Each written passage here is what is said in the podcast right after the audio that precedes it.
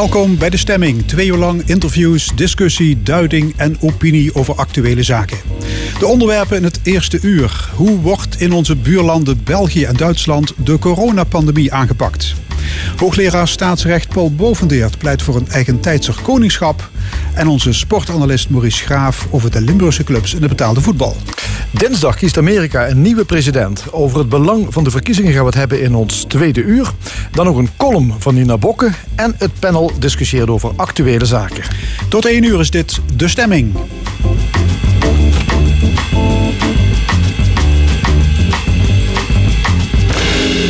Corona houdt ons nog altijd in de greep. Landen verschieten in snel tempo van kleur. Van geel naar oranje naar rood.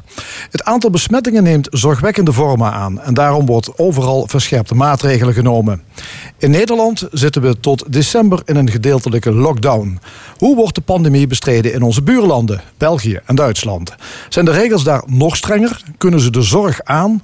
En is er ook zoveel maatschappelijke discussie? Aan tafel twee burgemeesters. Raf Terwingen van Maasmechelen en Herbert Kosten van Zelfkant. Heren, welkom.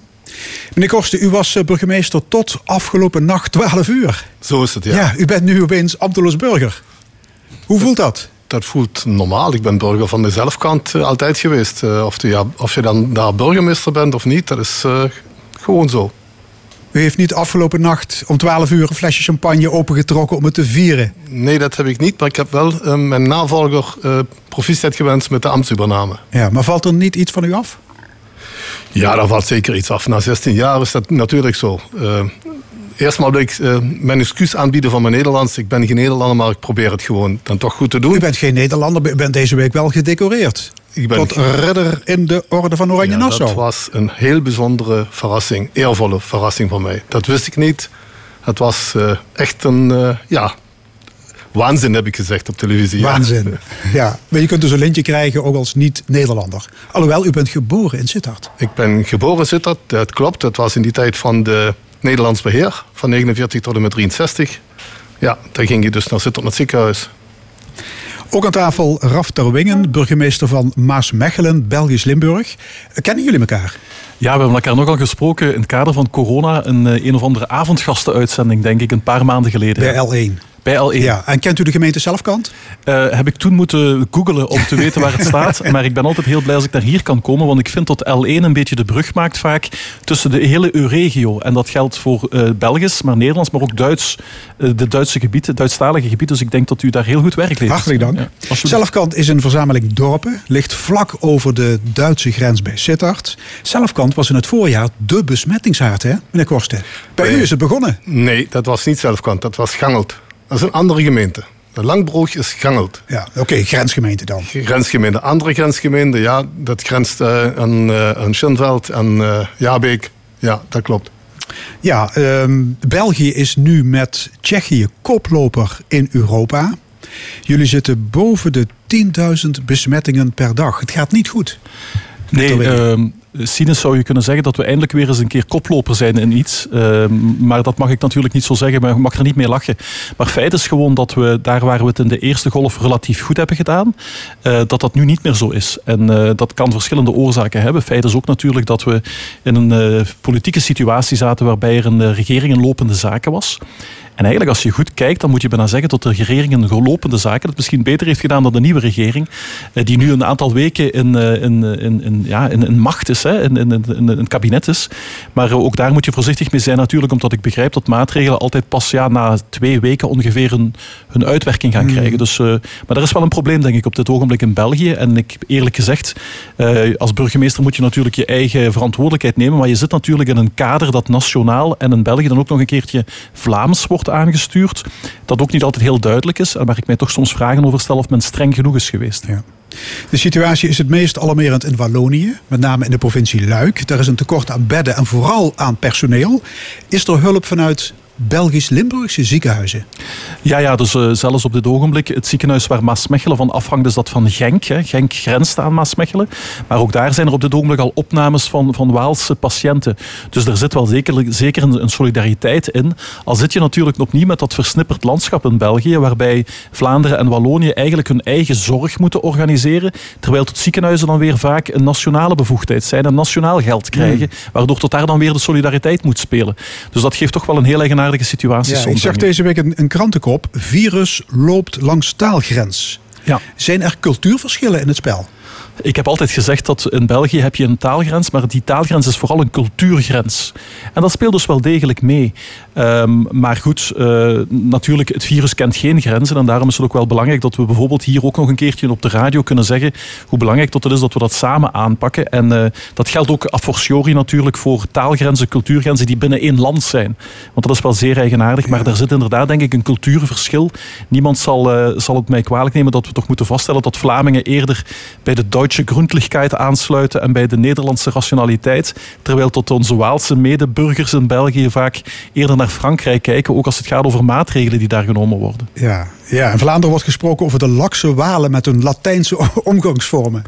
Ja, maar dat klopt wel een beetje. Laks zou ik het niet, niet durven noemen, want allee, ik moet ook eerlijk zijn, bijvoorbeeld in Maasmechelen denk ik dat er een problematiek zit van multiculturaliteit. Ik denk dat we zitten met een heel aantal uh, Zuid-Europese uh, samenlevingen, gemeenschappen die elkaar ook veel meer Ik heb gisteren nog twee huwelijken moeten doen. De regels zijn op dit ogenblik nog altijd dat er tot 40 mensen mogen bij een huwelijk aanwezig zijn. Vanaf maandag niet meer. Uh, maar goed, niets weerhoudt de mensen om zich nu al aan die regels te houden. Ik kan ze niet afdwingen, want ze zijn nog altijd geldig, 40 mensen. Maar als ik dan zie hoe men dan toch uh, binnen die multiculturele Maasmechelse gemeenschappen, waar ik heel veel sympathie voor heb, omgaat met, met de problematiek ervan. En als ik vaststel dat in de namen die ik iedere dag doorkrijg van Maasmechelaren die besmet worden, ja, dat er daar toch wel een merendeel, uh, laat ik zeggen, minstens allochtone namen zijn. Zonder dat het zijn ook Maasmechelaren, mm. maar geen autochtone Maasmechelaren, geen Vlaamse Maasmechelaren. Dan weet ik dat dat ergens, en dan heb ik ook wel een emotionele oproep gedaan gisteren bij die twee groepen mensen, waar ik niet van begreep hoe het kwam dat dat op deze manier kon gebeuren. Ook in de Duitse grensstreek steekt het virus opnieuw de kop op. In Viersen, in, in Heinsberg, in Aken. Uh, meneer Korsten, de hele maand november gelden strengere regels, hè? Ja, Noem er eens een paar. Dat is vanaf morgen, ja goed. Maximaal tien personen van één, één huishoud, van één gezin. Ja. Wat daartoe behoort, maximaal tien personen. Geen uh, cafés, geen restaurants, uh, geen disco's, niets meer open. Alles gesloten. Alleen de winkels blijven open bij ons, dat ja. En de regels zijn gewoon ja, masker dragen. Overal, ook in het openbaar.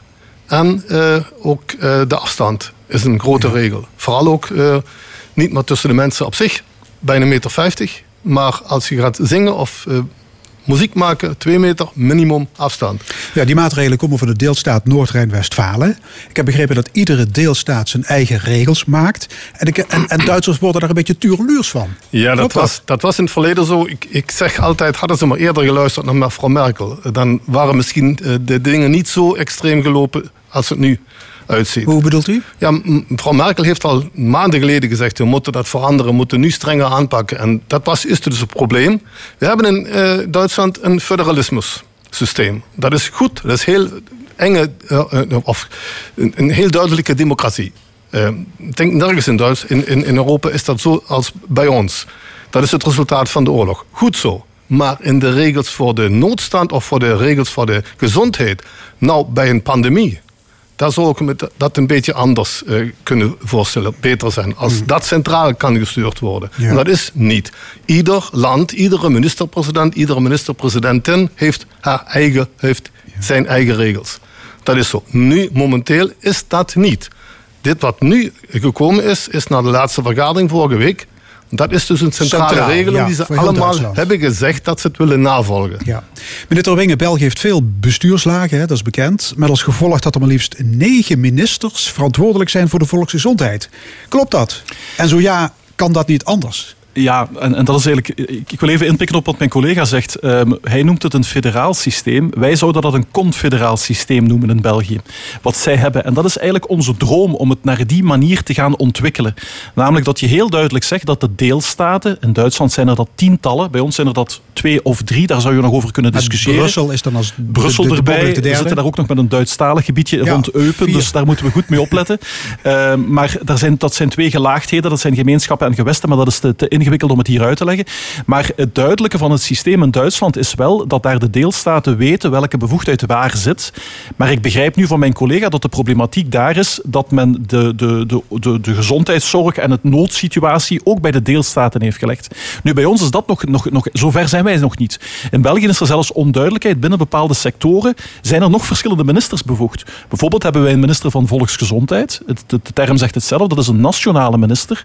Maar wij hebben ook in ieder van de deelstaten een minister van Welzijn.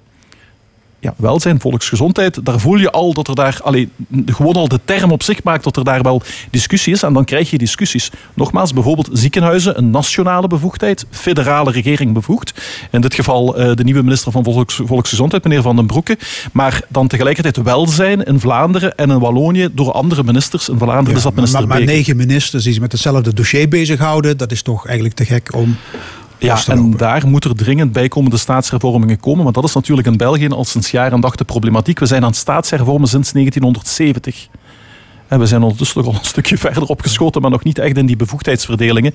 Dus daar zegt inderdaad mijn collega dat men in Duitsland daar denk ik duidelijker in is, in die bevoegdheidsverdelingen. Maar daar komt er bij ons nog een keertje op neer dat wij de ambitie hebben om confederaal te worden, maar tegelijkertijd er niet in slagen om zelfs binnen bevoegdheidspakketten duidelijk te zijn. Maar Vanaf morgen...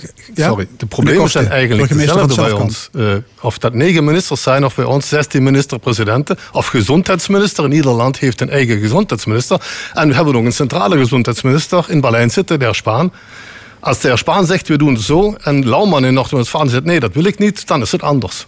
Voilà. Dus ook Duitsland is, is niet ideaal. Nee, nee, nee, ideaal is dat niet. Nee. Ja. Vanaf morgen gelden ook eh, strengere lockdown-maatregelen in België.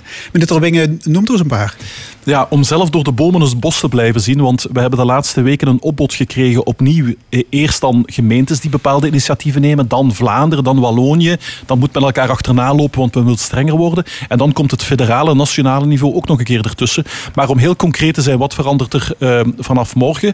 Uh, alle niet-essentiële winkels gaan dicht. Niet essentieel wil zeggen geen voeding. Hè. De voeding dus is elektronica, winkels. Elektronica, kleding, kleding. noem maar op. de discussie... De, de bouwmarkten thuis ja, is ook niet meer. De bouwmarkten is dan weer een discussie over, want dan moeten we de wetteksten van afwachten die deze nacht waarschijnlijk gaan gepubliceerd worden. Want ja, het is bijna 1, 2 eh, november.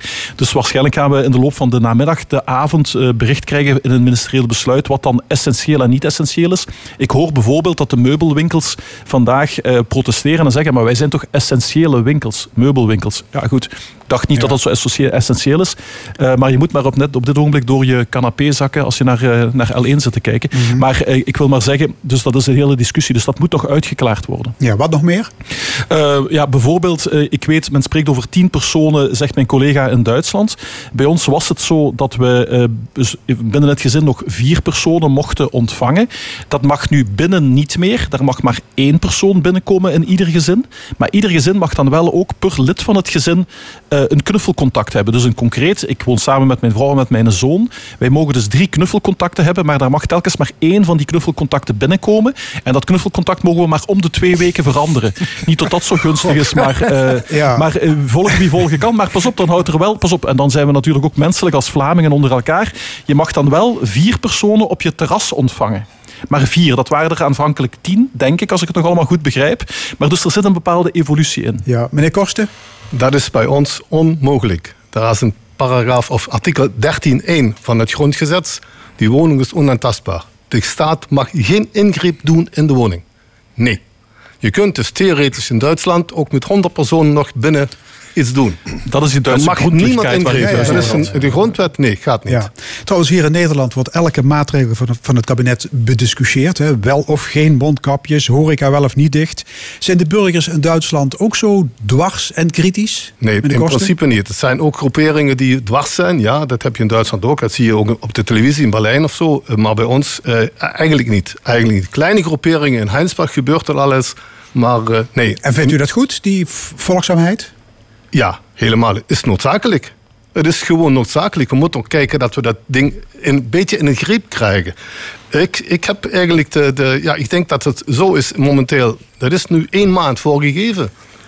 Ik weet niet of ik dat hier zeggen mag op de radio. U maar mag alles ik zeggen. ga, ik ga ervan uit dat we na die maand niet beter daar staan. En als we een beetje beter staan en het zo weer een beetje meer soepel eh, beschikt zou worden, zou worden, dan zie ik dat in januari tenminste hetzelfde probleem weer is Zou als nu. u willen pleiten voor een korte, harde lockdown? Een paar weken, alles plat. Ja, ja, ik denk dat kun je momenteel niet de burgers niet vertellen.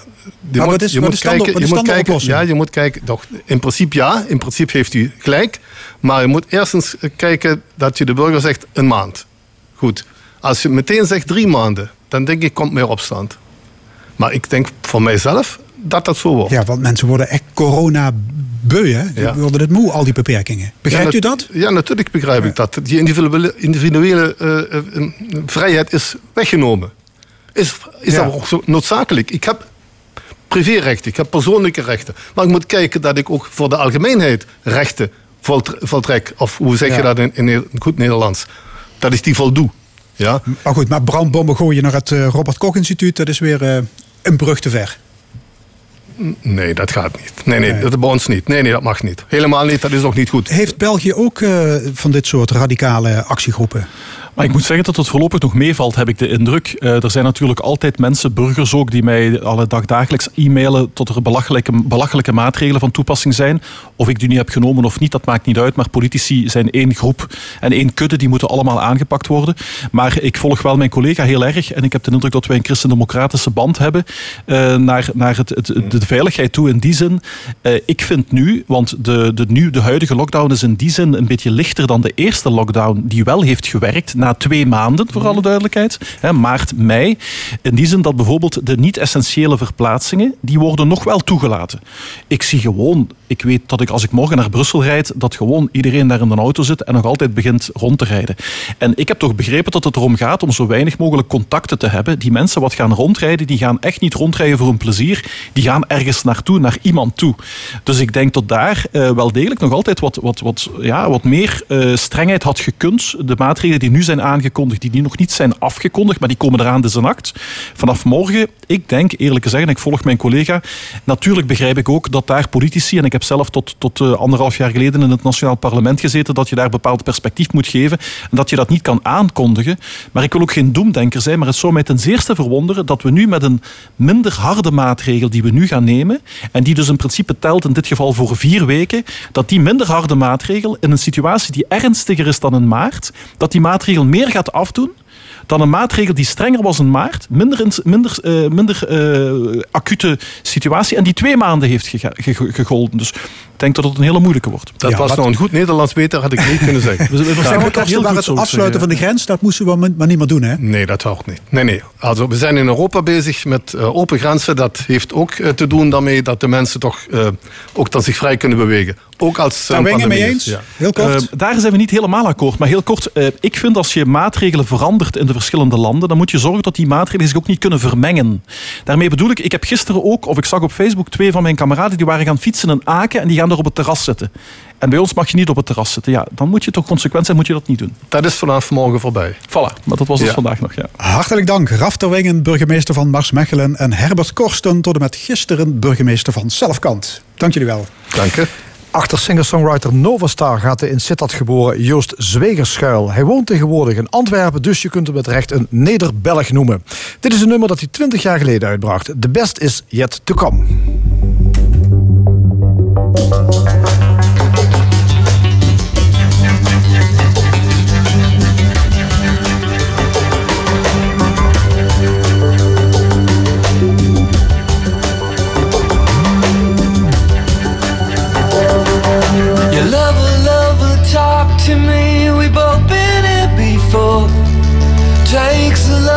Time to see you. Need less to become more. Not this time.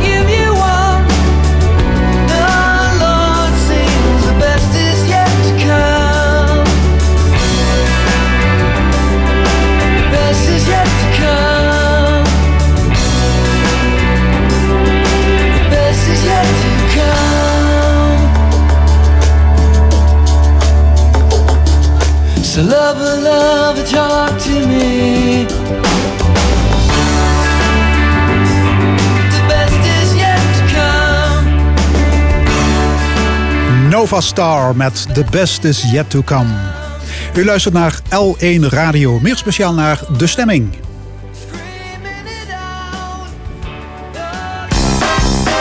De Analist. Vandaag met sportanalist Maurice Graaf. Goedemorgen Maurice. Goedemorgen. Uh, ja, op sportief gebied uh, is het ook nog allemaal beperkt. Hè, wat er gebeurt, daar hebben we het vorige keer ook al over gehad. Uh, je hebt betaald voetbal, er is wielrennen, Formule 1. Ja, daar ben ik er geloof ik. vanmiddag, Wout ja. vanmiddag. En voor de rest is het vooral voetbal, hè? Ja, voetbal, dat wel, hè. laten we het daarover hebben. Ehm, misschien maar eens eerst kijken naar VVV. Uh, eh, gisteren 2-1 uh, eh, verloren van FC Groningen. Maar ja, vorige week, uh, dat was de wereldnieuws. Hè. Je kunt het met, oprecht, met recht kun je een historische nederlaag noemen. 0-13 tegen Ajax. Ja. Want dit is echt historisch, hè, 0-13. Het is inderdaad de grootste nederlaag in betaald voetbal... die heeft plaatsgevonden tot nu toe. En ja ik zeg je, je wil graag een record hebben, maar dit lijkt me niet een record wat, wat VVV ambieert. Maar ja. Wat, wat doet dit uh, met die spelers? Want ik uh, bedoel, verliezen goed, geeft een klap.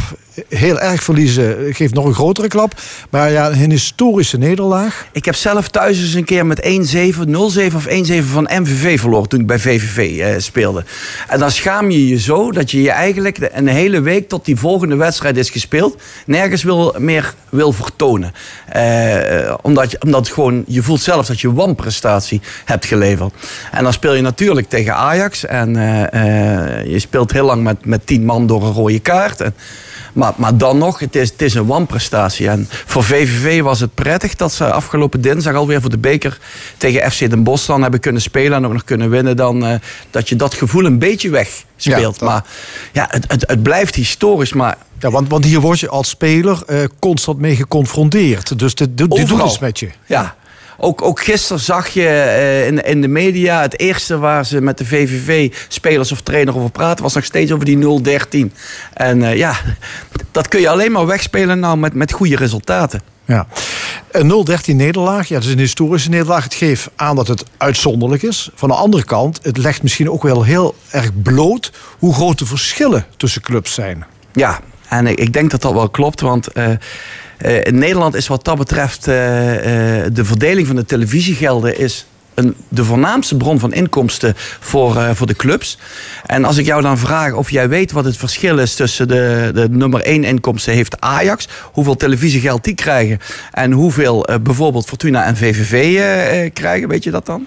Ja, ik, ik weet dat niet precies, maar ik, ik kan me wel voorstellen dat dat wel, wel vier, vijf, zes keer zoveel zal zijn. Dat ja, Ajax, Ajax, dus ruim boven de 10 miljoen als, als nummer 1 eh, dan aan televisiegeld. En eh, VVV net boven de 2 miljoen, 2,2 ja. geloof ik. En Fortuna eh, een 2 miljoen. Dat is zo'n enorm verschil. Dat zie je in andere landen eh, totaal niet. Natuurlijk is daar een, eh, een, een, verschil tussen iemand die kampioen wordt en eh, iemand die onderin eh, speelt. Maar zo groot als bij VVV, het systeem wat erachter aan gekoppeld is, dat daarvoor zorgt, dat is nergens. En ja, dat zorgt er ook al voor dat het uit elkaar getrokken wordt. Want ja, Hoe kan dat, dat dat in Nederland dat verschil tussen de topclubs en de clubs in, onderaan in verschillende inkomsten zo groot, zoveel groter is in vergelijking met andere landen? Televisiegelden, maar dan natuurlijk ook Ajax speelt Champions of League, Europees voetbal. Die zorgen voor zoveel extra inkomsten dat die verschillen binnen de Nederlandse competitie worden alleen maar groter. Ja, wat heb je in andere landen toch ook? Dan heb je toch ook de, de, de clubs die. Ja, maar de televisiegelden zijn daar veel eerlijker verdeeld. En die beseffen meer dan in Nederland dat ook de topclubs gebaat zijn bij een sterke competitie. Ja, want, want dat, dat, is ook de, de kritiek hè, die je toch regelmatig hoort op die eredivisie in Nederland. Dat het, de topclubs, Ajax, PSV, noem maar op, dat die eigenlijk een, ja, die spelen niet op een gelijkwaardig niveau die competitie. Dus dat is eigenlijk ook nee, het nadeel van die grote clubs. Ja, en ik ben ook benieuwd hoe lang dat blijft. Want uh, uh, voor corona waren ze heel nadrukkelijk bezig om die Beneliga op te zetten. Dus, ja, de Belgisch-Nederlandse ja, divisie. Competitie ja. met de beste clubs. En ja, ik denk dat dat de doodsteek is voor alle clubs die eronder zitten. En uiteindelijk ook voor die topclubs. Want je hebt de competitie in eigen land nodig. Je hebt de breedte nodig om de top, die piramidevorm, die heb je nodig om de om te kunnen presteren in Europa. Ja, je hebt er vorige keer al eens over gehad. Want Ja. zeg je voor, je zou die benen liggen, die zou je optuigen. Het, het, het zou, ik zal maar zeggen, het, het zou niet interessant zijn als Ajax moet voetballen tegen, eh, tegen Mechelen of weet ik veel. Of, Lijkt mij niet. Eh, nee? Nee, en ik denk ook hier eh, eh, Ajax, PSV, eh, eh, wat hebben we dan? Feyenoord, AZ, heb je het dan over Utrecht eh, eh, misschien. Die gaan dan die benenliga in. Ja, en de rest van de clubs die mogen dan in eigen landen competitie spelen. Ja, dus waar, waar zou de oplossing wel in moeten zitten? Ja, goed, misschien dan toch naar die gelden. Nou, ja, ik pleit echt voor een, eh, een eerlijkere verdeling van die, van die televisiegelden. Eh, daarbij komt dus nou die, die corona eroverheen. Wat bijvoorbeeld bij VVV, wat ik dan weet, eh, eh, die zijn 20% terug moeten gaan in spelersbudget. Dus die, die hebben nou eh, nog 3 miljoen aan spelersbudget. Op een begroting van, van net boven de 6 miljoen. Fortuna zit iets lager. VVV is laagste in de eredivisie eh, wat spelersbudget eh, betreft. Nou, als je dan kijkt dat Ajax een, eh, spelersbudget heeft van 45 miljoen, een begroting van 110 miljoen, die verschillen zijn enorm. Ja. Ehm, gisteren speelde Fortuna tegen Ajax. Ehm, ook verloren, 5-2. Ehm, ja, op een hele bijzondere manier. Eh, wat wil, je, Ja, erover, ik- ik- ik wat ben- wil je erover zeggen? Ik ben absoluut fan van de VAR. En de meeste mensen weten dan dat ik dat cynisch bedoel. Ik, ik, ik vind het een, echt een verschrikking voor het voetbal. Fortuna heeft gisteren... Fortuna staat laatste, Ajax eerste. Fortuna heeft een fantastisch pot voetbal gespeeld in de, in de arena. Komen eh, verliezen uiteindelijk met 5-2. Maar komen terecht eh, ook nog eh, in het begin verrassend op, op voorsprong. En worden eigenlijk genaaid, als ik dat zo mag zeggen. eh, want, zo zie ik het. Door drie, eigenlijk vier VAR-beslissingen. Drie penalties waarvan ik er twee absoluut geen penalty vind. En de derde twijfel ik ook nog heel erg aan. En een buitenspelgoal. Ja. En dan denk ik van, bij de ene wedstrijd wordt zoiets wel bestraft, eh, Hens, en de andere niet. Bij de ene, overal zie je dat buitenspel, al is het maar een, een, een, een, een, een pinkbreedte, eh, is buitenspel. Gisteren blijkbaar dus niet. Ja. Ik vind het heel opmerkelijk eh, hoe de VAR geïnterpreteerd eh, eh, wordt. Terwijl die VAR toch eigenlijk bedoeld was om het allemaal objectiever te maken. Het moest eerlijker worden. En ik was een van de voorstanders van, van eerlijker. Maar eh, nou eh, een aantal jaren bezig zijn, zeg ik, de VAR maakt het niet eerlijker. De interpretatie is nog steeds menselijk. En ik geloof dat de scheidsrechters en de, de, degenen die de VAR moeten bedienen, die worden steeds nerveuzer. Die weten het eh, af en toe zelf niet meer. Ik, ik vind het een verschrikking. Jij zegt, de scheidsrechter en de mensen die de VAR moeten bedienen... die worden steeds nerveuzer. Eh, waar, waar zouden die dan nerveus door worden? Ja, ze worden natuurlijk eh, steeds meer bekeken. Kijk, als scheidsrechter kon je, eh laat even naar mijn tijd, vloot je in de geest van de wedstrijd. Je voelde een wedstrijd aan, je probeerde dat contact met die spelers. Dat is allemaal weg. Je fluit nou nog maar voor één ding. Is van, oké, eh, laat maar lopen, want de VAR kan mij herstellen. Dus eh, als je af en toe bijvoorbeeld ziet... dan ziet het hele stadion ziet iemand 10 meter buiten spel staan... maar ze laten de hele situatie doorlopen. Die bal ligt uiteindelijk in het doel. En dan gaat de vlag omhoog, want dan mag die grensrechter mag pas vlaggen... als de situatie voorbij is. En dan gaat de vader naar kijken. Zijn we weer een paar minuten verder... En dan denk ik van ja, je maakt het complete voetbal zo kapot. Je maakt die scheidsrechters, maak je het veel te moeilijk. En vaak zitten mensen in de, in de VAR, achter de VAR die zelf niet op niveau gevoetbald eh, hebben. En wat dat betreft, gisteren was Paul van Boekel de VAR. Daar heb ik nog zelf mee gevoetbald. Dan denk ik, ja Paul, daar verwacht ik wel iets meer eh, van een ex-voetballer. eh, die, die moet dat beter kunnen inschatten. Ja, trainer van Fortuna is Kevin Hofland. Ja. Ja, dat gaat ook niet echt heel erg lekker daar. Hè? Eh, wat, eh, Nee, ja, qua ranglijst... eh, eh, Fortuna staat laatste. Ja, eh, Fortuna heeft echt een val- ik- valse ja. start gehad. Ja. Maar eh, Fortuna, vrouwen Fortuna mist dubbel D. En dan heb ik het over Diemers en Dammers. En eh, die waren vorig jaar zo bepalend. Diemers eh, qua creativiteit en eh, qua effectiviteit. Met zijn assist, met zijn doelpunten. Dammers qua mentaliteit eh, en qua leiderschap. En nou zie je eh, Fortuna aan het begin van het seizoen toch een beetje zoekende. En vooral achterin zoekende naar de juiste formatie. Er, zijn, eh, er is een gebrek aan, aan leiders. Ik denk dat Hofland gewoon hier een beetje tijd eh, voor nodig heeft. En dat echt wel. Ja, zeg je nou eigenlijk gewoon dat het niet aan Hofland ligt, maar dat het aan de spelers ligt? Dat, Ja, gewoon- ik denk dat ze verkeerd ingeschat hebben hoeveel Diemers en Dammers voor Fortuna betekenden. Want ze hebben best wel aardige spelers ingekocht, maar dus geen Diemers en geen Dammers. En eh, geef Hofland eh, rustig de tijd. Is een hele goede trainer, tactisch sterk. En hij laat het tegen eh Roda JC en nou tegen Ajax ook zien dat hij het goed neer kan zetten. Ja. Dat zijn de twee Limburgse ploegen in de eredivisie. Uh, een divisie lager, de eerste. Uh, Rode JC, MVV. Wat wil je daar nog over zeggen? Ja, Rode JC sterk begonnen. Laatste weken erg af aan het zwakken. En ja, het valt mij ook op dat toen ze begonnen hadden ze geen spits. Toen speelde Aalberg een beetje hangend uit die spits. Dus die spits was vaak leeg. En dan had je heel veel beweging vanuit het middenveld. En dan verrassen ze tegenstanders mee. Scoorden ook aan de lopende band. En vanaf dat ze zeg maar die, die, die spits daar neer kunnen zetten, is het wat voorspelbaarder geworden. Zie je minder kansen. Uh, wedstrijden zijn saaier geworden.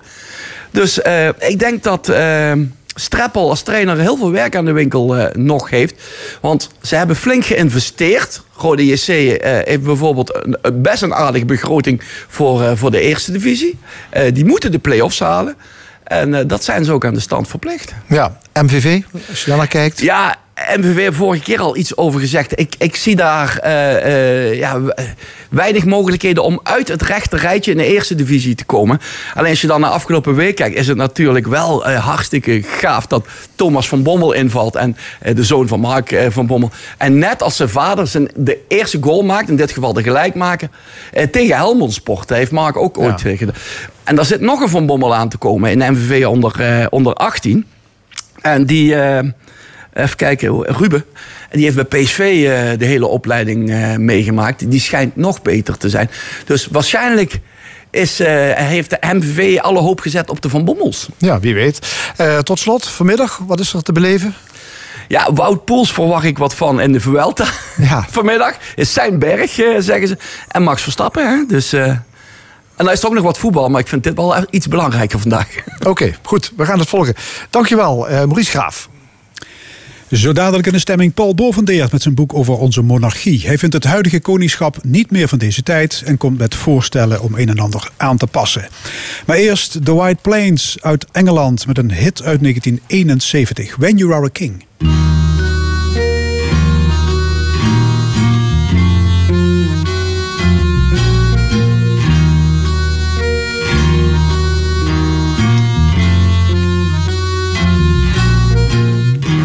Pardon in your hair, it's hardly ever there.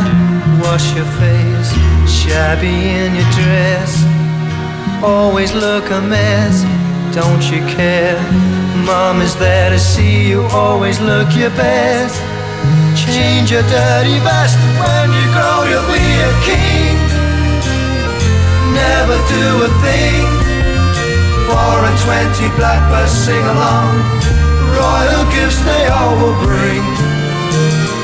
When you are a king, everywhere you go, people bowing low, carriages to take you anywhere. Feet won't ever touch a thing. When you are a king.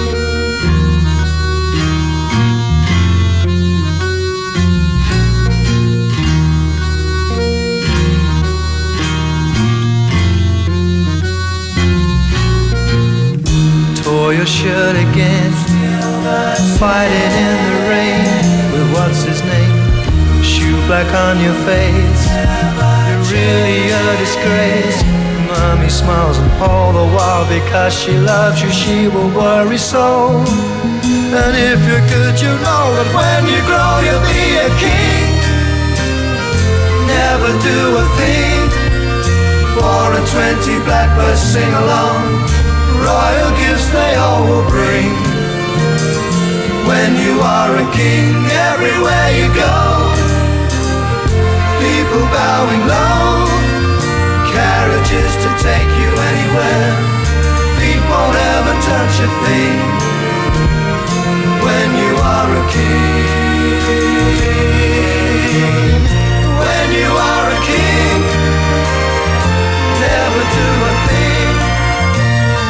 twenty blackbirds sing along. Royal gifts they all will bring. When you are a king, everywhere you go, people bowing low, carriages to take you anywhere. Feet won't ever touch a thing. When you are a king. When You Are a King van White Plains. En dit is de stemming op L1 Radio. Koning Willem-Alexander was de laatste tijd weer flink in het nieuws. Hij brak zijn herfstvakantie in Griekenland, af vanwege groot tumult bij zijn onderdanen en sprak via een videoboodschap een mea culpa uit. Midden in die commotie verscheen het boek De Koning en de Monarchie toekomstbestendig, waarin plannen worden ontvouwd om het koningschap te veranderen.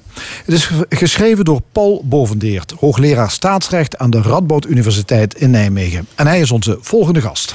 Meneer Bovendeert, welkom. Dank u wel. De Radboud is het predicaat katholiek kwijt. Vindt u dat erg? Ja, dat vind ik wel treurig. Want het was natuurlijk oorspronkelijk uh, het hoogtepunt van de emancipatie van de katholieken aan het begin van de 20e eeuw dat die katholieke universiteit werd opgericht. En uh, ja, door een conflict tussen de bisschoppen en het stichtingsbestuur. Ja, over het ging over het bestuur, toezicht, ja, dat, dat, soort dingen. Het ging vooral over benoemingen van ja. leden van het stichtingsbestuur. Is dat conflict helemaal uit de hand gelopen. En dan hebben de bisschoppen het predicaat uh, teruggetrokken. En dat is toch wel heel treurig. Ja, want dat woordje katholiek, dat stond garant voor onderwijs op hoog niveau? Uh, nee hoor. Uh, dat, dat, niet? Nee, want uh, een universiteit moet natuurlijk een onafhankelijk instituut zijn. En ook onafhankelijk van de kerk en van de bisschoppen. maar dat predicaat geeft wel een bijzondere signatuur. En toch ook wel bijzondere karaktertrekken aan de universiteit. We hebben natuurlijk de theologieopleiding, religiestudies. Mm-hmm. Hebben we aan de universiteit. wij hadden altijd, en dan hebben we nog steeds, rechtsfilosofie als een belangrijk vak in het curriculum. Dus daar zitten wel elementen in die te herleiden zijn tot die bijzondere signatuur. Goed, we gaan naar uw boek. De Koning en de Monarchie. Hey, de timing kon qua marketing niet beter, hè? Ja, ik ben helemaal voor de monarchie op dit moment. uh, het, is, het, was inderdaad prachtig. Ik had het boek, uh, de presentatie gepland rond uh, de begroting van de koning. En toen kreeg het al behoorlijk wat aandacht, een week lang. En het ebde weg, maar het kwam weer volop ja. terug uh, dankzij de mislukte reis van uh, onze ja, koning. Ja, er zijn mensen die spreken van een akkefietje, van een dommigheidje. En andere mensen die zeggen, ja, dat legt wel degelijk iets bloot. Waar staat u? Um, nou ja, kijk, uh, het is natuurlijk altijd relatief. Als je het bijvoorbeeld vergelijkt met de misstanden in de, in de Spaanse monarchie. En de voormalige koning die ja, verdacht was van ernstige corruptiepraktijken. Dan valt zeggen, dit, het kan nog altijd erger, bedoelt dan, u? Jazeker, dan valt dit, dan valt dit Thailand uh, is geloof ik uh, is ook wel extreem. Hè? En, dus ja, ook dat is een heel extreem uh, voorbeeld.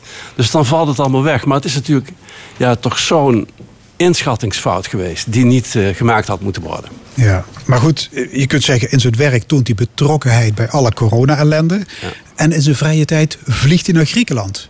Notabene in de week dat de premier strenge maatregelen afkondigt. Hoe ja. Ja, dat is niet is, overtuigend. Het is toch niet alleen maar dommigheid, het is toch... Ja, dat is echt een verkeerde inschatting. Ja. Dat is echt een, uh, een, foute inschatting. Ja, we weten niet precies wie die inschattingsfout heeft gemaakt. In ieder geval de koning zelf. Want ik mag aannemen dat de koning niet op instructie van uh, Mark Rutte naar Griekenland is vertrokken, maar omdat hij zelf wilde. En de vraag is natuurlijk welke rol de minister-president daarbij speelde. U komt uit Venlo. Uh, wat is uw eerste herinnering aan ons Koningshuis?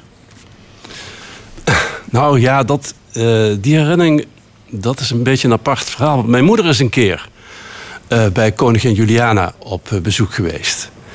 In de jaren 50. zij deed vrijwilligerswerk en werd toen uitgenodigd op Paleis Soesdijk. En daar is een foto van gemaakt. En die foto die hangt bij ons in de kamer. En dat is misschien mijn eerste herinnering aan het Koningshuis. Die foto van mijn moeder die een kopje thee drinkt met uh, Juliana en een paar andere gasten. Ja. En op de lagere school op 30 april zwaaien met, met het vlaggetje, oranje boven zingen. Ja, ja, Er wordt gezegd, Limburg is de meest, uh, of de minst oranje gezinde provincie van Nederland. Ik heb daar niks over gelezen in uw boek, maar klopt dat? Um, dat weet ik niet. Ik weet nog wel dat uh, toen Troelstra in 1918 zijn revolutiepoging startte en ja. uh, de monarchie omver wilde werpen, dat de Limburgse jagers optrokken naar het Malieveld. en uh, dat regiment om, het, om, het, stond om de monarchie te beschermen. Om de monarchie ja, ja, te beschermen, okay. ja. We hadden altijd stadhouders. Uh, toen de Republiek der Verenigde Nederlanden, de Bataafse Republiek. Hoe komen we eigenlijk aan een koningshuis? Um, ja, dat is natuurlijk een beetje een tijd van restauratie geweest. Rond 1814, na de Napoleon Napoleontische tijd. de terugkeer naar de monarchieën. Elk Europees land was een monarchie. Dus het was ook eh, niet zo vreemd. We waren natuurlijk eigenlijk een heel raar land voor de Franse Revolutie. Toen waren we een republiek met stadhouders. Dus het idee van omvorming van die republiek naar een, een eenheidsstaat met een monarchie was in die tijd eh, heel goed te verklaren. Ja, en we kregen een koning in eh, 1806, hè? althans Holland. Limburg hoorde daar toen niet bij. Nee, ja, Ja. dat was een Franse koning. Ja. Ja. U zegt in het boek, eh, het koningschap is archaïs, is een vreemde eend in de bijt, hoort niet bij onze parlementaire democratie. Waarom vindt u dat? Nou ja, de, kijk, de koning is eh verwerft zijn functie door erfopvolging.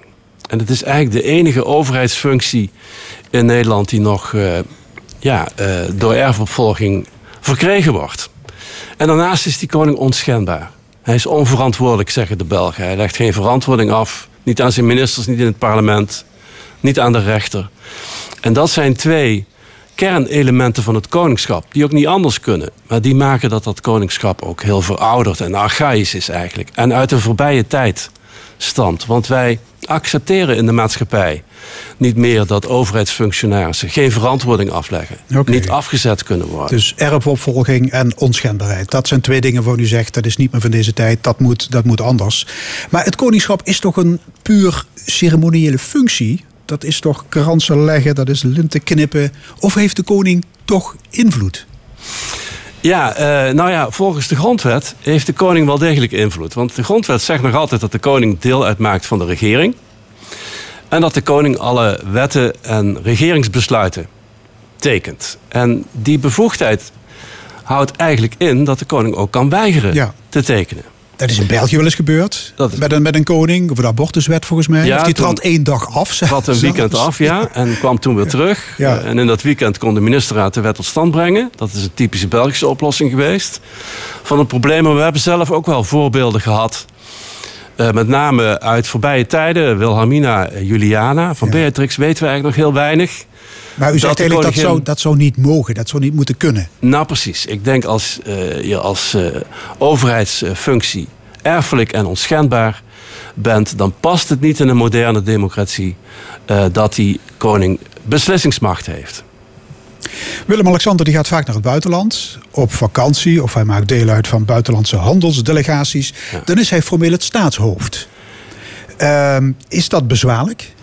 Nee, hè, ik denk dat dat eigenlijk zijn primaire functie is tegenwoordig. De rol van de koning en de regering is helemaal op de achtergrond geraakt. En ik, ik heb niet het idee dat de koning tegenwoordig veel invloed Nee, uitoefent ja, u noemt het, hij heeft een beperkte adviesfunctie. Ja, Ja, goed. Maar u en ik hebben die beperkte advies, adviesfunctie niet. Niet, ja. Nee. Dus dat is toch een verschil. En u en ik kunnen niet, als het erop aankomt, weigeren om mee te werken aan de totstandkoming van een wet. Dus daar zit wel een verschil.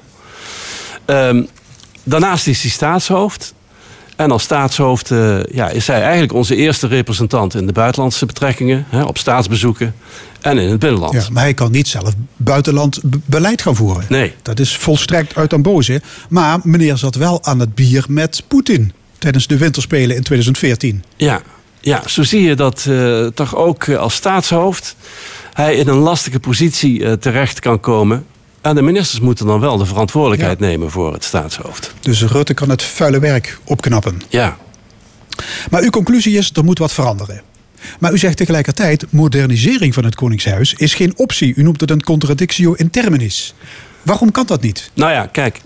Dus die kernelementen eh, erfelijkheid en onschendbaarheid, daar kun je niks aan doen. Als je dat verandert, dan maak je van de monarchie een republiek. Want dan kom je eigenlijk uit op een president die gekozen wordt of benoemd. En die verantwoordingsschuldig is. Dus als je vasthoudt aan de monarchie, dan hou je vast aan erfelijkheid en onschendbaarheid. Dus je houdt vast aan dat verouderde instituut. Maar je kunt wel sommige andere onderdelen bij de tijd brengen. En Zoals? Dat, nou ja, dan denk ik aan de situatie dat hij uit de regering wordt geplaatst. Niet langer dus besluiten van de regering tekent en wetten. Maar alleen staatshoofd blijft. Dat is een punt van verandering. Je kunt ook denken aan de financiering van het koningschap. Dat is ook een ouderwetse regeling waar veel kritiek op is. Die ook voor verandering in aanmerking komt. Je kunt ook wat zaken in de erfopvolging eh, veranderen. En bijzondere eh, punten in, in zaken het koningschap. Dus er zijn wel wat belangrijkere en minder belangrijke regelingen, onder andere in de grondwetten, die je kunt aanpassen. Dus samengevat, eigenlijk moet je de koning zijn privileges afnemen. Je moet hem inderdaad een paar uitzonderingsposities uh, veranderen en bij de tijd brengen. Ja. Je kunt ook zeggen, laten we gewoon die hele monarchie afschaffen. Klaar. Jazeker. Ik zou ook zeggen dat uh, um, de monarchie tegenwoordig in onze samenleving niet meer zo'n pijler is als die vroeger was. Ik zou zeggen, de pijlers in onze staat, dat zijn het parlement, de regering en een onafhankelijke rechtelijke macht. En niet de monarchie. De monarchie staat tegenwoordig aan de zeilen. In die zin is het ook geen, denk ik, grote verandering om eh, de monarchie af te schaffen. Ja. Maar ja. Dus je zou zo lid kunnen worden van het Republikeins Genootschap? Nou, ik zie er het nut niet zo van in, want ik denk dat we op zich.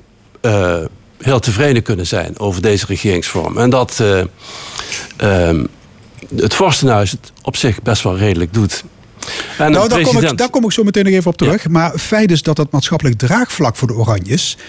die is behoorlijk groot. Hè? Nou, dat is natuurlijk een We zitten met een argument. hele populaire, populaire ja. familie. Dus eigenlijk is afschaffing van de monarchie ook helemaal geen optie. Precies. Op dit moment. Nee, ik zou zeggen... Uh, de meeste politieke partijen zijn trouwe supporters van de monarchie. En een paar dan niet, zoals GroenLinks en de SP. Maar die doen eigenlijk nauwelijks moeite... om verandering in de situatie te brengen. Dus de politiek steunt de monarchie de samenleving steunt, dat blijkt elk jaar uit die enquêtes rond Koningsdag, de monarchie met een grote meerderheid. Dus waarom zou je dat dan nu uh, ja, uh, veranderen? Ja, en de kosten nemen we op de koop toe. 100 miljoen euro per jaar.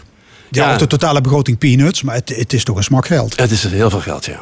En het is de vraag of zoveel geld moet uitgetrokken worden voor één overheidsfunctie. Nou ja, je kunt zeggen, we leven in een technocratische, zakelijke samenleving laten we één aberratie in stand houden. Het Koningshuis met zijn vijf paleizen. Ja, maar het hoeft niet zoveel te kosten misschien. He? Je kunt het in stand houden uh, tegen lagere kosten wellicht. Ja. Uh, maar goed, je kunt zeggen, ja, dan moet die koninklijke familie uh, ook niet al te veel strapats uithalen. Ja, want het lijstje is tamelijk lang. Ja. He, die, die coronavakantie, de 1 miljoen voor Amalia, de speedboot van 2 miljoen, de restauratie van de Groene Draak, het vakantiehuis in Mozambique, ja. de schoonvader in Argentinië, nog verder terug de Lockheed-affaire. Ja. Hoe belangrijk is gedrag? Ja, steeds belangrijker. Vroeger, je zou eigenlijk kunnen zeggen, tot die Lockheed-affaire uit de jaren 70, er werd heel veel geheim gehouden wat misging. Uh, de media uh, zei er dan niks over. Het werd niet bekend. Ja, heeft u het over de Greet Hofmans-affaire ja, bijvoorbeeld? de Greet Hofmans-affaire. Andere, ja, ook wel uh, misstappen van Bernhard al in de jaren 50 en 60. Prins Bernhard die niet bekend werden. Uh, Prins Hendrik. Koning ja. Willem III. Hè, uh, nou ja, uh, een hele reeks wellicht van uh, kleinere ja, en grotere en nu schandalen. De, de media daar veel en meer nu op. zitten de media, maar ook de politiek ja. zit er bovenop. Elke misstap wordt uitvergroot. En in de media en in het parlement aan de orde gesteld. En daar is natuurlijk helemaal niks mis mee. Aan die transparantie. Maar ja, dat maakt het wel lastiger om die monarchie goed te laten functioneren. Ja. Maar goed, het was een imposante lijst die ik net opnoemde. Hè? Ja. Heeft het Koningshuis dan kennelijk zoveel krediet? Ja, wat zeker. moet er gebeuren en, om, ja. om... Ja, het is, het is een, uh, dat krediet is groot in de politiek en in de samenleving. Uh, tegelijkertijd ja, is de lijst ook een lijst van uh, kleinere en een enkel groot schandaal. dus dat moeten we wel in aanmerking nemen. Dat het vaak toch wel over kleinere zaken gaat. Hè? Neem bijvoorbeeld de Lockheed-affaire. Dat was een, echt een heel serieus schandaal. Ja, toen stond de monarchie ook, ook op, ja, op, op keeper, hè? Ja, zeker. Ja, Den Uyl had de boel bijna afgeschaft. Ja, zeker. Den Uyl heeft toen de monarchie gered, hè, eigenlijk. Door te besluiten om prins Bernhard, de echtgenote van koningin Juliana, niet te vervolgen. Ja. Dat was een moment uh, waarop uh, ja, de monarchie had kunnen sneuvelen. De andere affaires zijn over het algemeen kleinere affaires. Ja. En we moeten bedenken, we zijn natuurlijk allemaal mensen, maken we allemaal fouten. We doen allemaal wel stomme dingen. Alleen ja, dan moeten wel incidenten blijven. En die koning vervult nu eenmaal een symboolfunctie. En die symboolfunctie houdt in dat hij het goede voorbeeld moet geven. Um, en daar moet hij dus goed op letten. Zou Willem-Alexander blij zijn met de inhoud van uw boek? Geen idee. Nou ja, het is in ieder geval een redelijk uh, gematigd verhaal in die zin dat er niet gepleit wordt voor afschaffing van de Nee. monarchie. En ik denk dat het ook een, eh, een nuttig verhaal is, omdat het pleit voor een aantal noodzakelijke aanpassingen in de monarchie. Hè, waaronder bijvoorbeeld die financiering die elk jaar weer leidt tot eh, nogal wat commotie in en buiten het parlement. Aanpassingen die noodzakelijk zijn om het hele instituut in stand te houden. Ja. Dus in die zin zou hij misschien denken van... geweldig gedaan boven de wel, Ja. Ehm, wat beoogt u zelf met dit boek? Ehm, nou, ik vond het zelf interessant om te zien hoe een, eh, een functie, hè, de functie van koning, het koningschap, eh, enorm kan veranderen in de praktijk. Hè, sinds 1814 is die, was die koning eerst heel belangrijk. En langzamerhand is die koning zijn machtsbasis kwijtgeraakt. Ehm, terwijl het staatsrecht, de regelingen, maar ten dele zijn aangepast. En dat leidt ertoe dat er heel veel onduidelijkheid ontstaat over zo'n functie. Hè? Het verandert in de praktijk, maar de regeling blijft nog ouderwets. Dus in feite zou de politiek dit moeten oppakken. Ja. En, en eigenlijk de grondwet moeten veranderen. Zeker, ja. Ja. ja. Zou u één dag met eh, Willem-Alexander willen ruilen? Nee. Nee. Nog geen uur. Nee. Waarom niet? Nou, ik denk dat... eh, Even die hermelijnen mantel. nou, de grootste scepter. last van het koningschap is natuurlijk dat je geen enkel privéleven meer hebt. En ik denk dat dat toch steeds zwaarder drukt op eh, dit soort functionarissen in dit land en in andere, land, eh, andere landen. Paul Bovendeert, hoogleraar staatsrecht, hartelijk dank. Het boek De Koning en de Monarchie, toekomstbestendig, vraagteken, is verschenen bij uitgeverij Wolters Kluwer. En zo meteen, na 12 uur in de stemming, de Amerikaanse verkiezingen, een column van Nina Bokke en het nieuws van deze week volgens ons opiniepanel.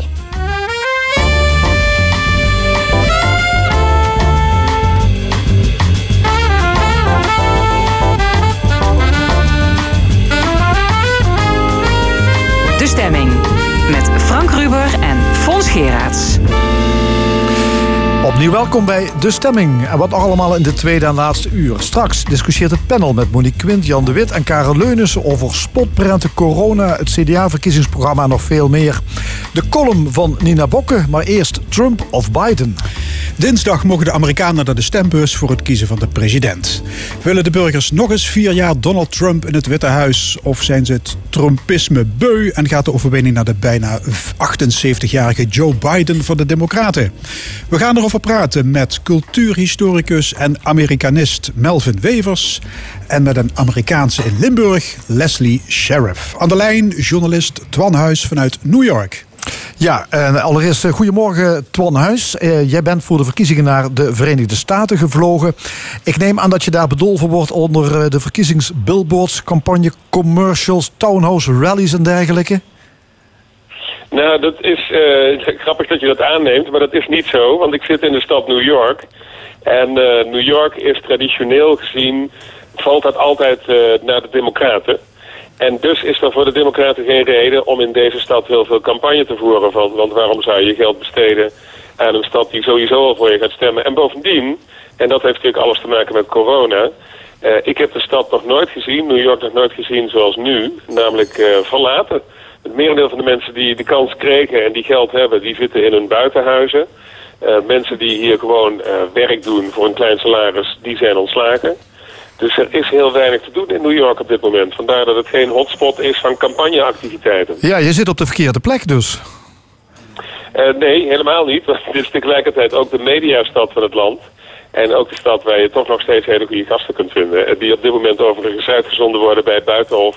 Eh, waar ik mee praat, eh, het programma waarvoor ik hier ben. En eh, dat net ook gestart is. Dus we zijn concurrenten van elkaar nu. Ja, maar in de, in de rest van het land, dus buiten zeggen, in de staten waar het er wel om gaat, is, wordt daar echt tot het laatste moment campagne gevoerd in die swing states? Tot op het bot wordt daar gevochten inderdaad in de swing states. Zoals Pennsylvania, dat is een staat, dat is echt een hele grote prijs voor degene die Pennsylvania morgen binnen weet te halen. Of dinsdag, sorry, eh, die eh, staat er heel goed voor bij eh, de einduitslag. Maar dat geldt ook voor Texas. En het geldt voor Florida en Wisconsin. Er zijn een aantal staten waarvan niemand precies durft te voorspellen welke kant die opvallen. En die dus cruciaal zijn voor de kandidaten. En waar ze ook het afgelopen weekend nog heel veel geweest zijn. En ook morgen, de laatste campagnedag, nog hun gezicht zullen laten zien. Ja, daar is het dus echt spannend. Eh, met grote gevolgen dus voor die totale uitslag. Leslie Sheriff, hier aan tafel bij ons. Eh, u komt uit Seattle. Dat is aan de Amerikaanse westkust, hè, de staat Washington. Dat is volgens mij ook door en door democratisch gebied. Ja, dat is uh, juist. Um, de West het is aan de west coast van uh, de VS. En er zijn meestal in de, men, de mensen in Washington wonen langs de kust. Ja, het gaat over de staat Washington. De hè, staat Washington, niet de hoofdstad van het land. Ja. ja. Dus, dus is daar ook minder um, ophef over die verkiezingen? Omdat iedereen weet, ja, ik kan hier wel naar de stembus gaan... maar het is, de democraten winnen toch altijd? Uh, ja, denk ik niet. Hopelijk niet. uh, omdat, ja, mensen ik denk dat mensen beloven dat uh, zijn eigen stem is heel belangrijk. En ze willen um, echt ja, participate in, uh, in de verkiezingen. Ja, ja. Ze, ze hun, dus, stem, ja. hun stem doet ertoe, dat, dat gevoel hebben ze wel. Ja. ja. Hoe heeft u de campagne, de bikkelharde campagne uh, tussen Trump en Biden beleefd? ja, ik verstaan de, de vraag ja. niet. Was, zeg, hoe bijzonder vond u het, deze campagne? Oh, ja. Het is zo, ja. Het is, ja, ik, ik heb dit nooit vroeger, um, ja. Dit is de belangrijkste dat ik heb ja, gezien. Nooit, ja, nooit gezien eerder? Ja, nooit gezien. Ja, dit is het, voor mij is het, ja, ik zie het ja, ik vind het zo belangrijk. Omdat voor mij is dit... Ja, vroeger was het niet zo belangrijk. Maar nu, ik zie zoveel veranderingen van Trump... dat ik, ik wil het stemmen, ik wil ja, hem uitlassen. Ja, dit, dit gaat echt ergens over. Ja. ja. Ja. Melvin Wevers, u bent uh, Amerikanist en cultuurhistoricus. Uh, was deze campagne inderdaad harder en smeriger dan ooit tevoren? Ja, dat kun je zeker zeggen. Ja. Ik denk dat heel veel normen echt vervaagd zijn tijdens deze campagne. En dat uh, uh, waar men voorheen sprak dat er een systeem van checks and balances was, waarmee je kon controleren wat mensen wel en niet konden doen, lijkt die grens steeds verder opgerekt te worden en, en mensen daar constant omheen, uh, overheen te gaan. Ja, u bedoelt in de, in de verkiezings, in, in de campagne? In de campagnes ook. Ja, ja er zijn bepaalde regels. Nu bijvoorbeeld met het stemmen via de post uh, wordt aangeraden om te doen vanwege corona, omdat het veiliger is. Uh, er zijn allerlei rechtszaken nu over uh, om te betwijfelen of die wel rechtsgeldig zijn, die stemmen die ingezonden worden. stemmen via drive-in stemmen. Dus je kunt met je auto ergens naartoe rijden en stemmen en weer doorrijden. Is nu ook, wordt morgen een, een rechtszaak overgevoerd of dat nou wel of niet mag in Houston. Dus dat zijn allemaal van die hele kleine dingen waar telkens dingen worden bevochten via de rechtszaal. Ja, dat, dat gaat over de techniek van de verkiezingen, mm hè, die dus ter discussie staat. Dat gaat natuurlijk al heel ver. Mm ja.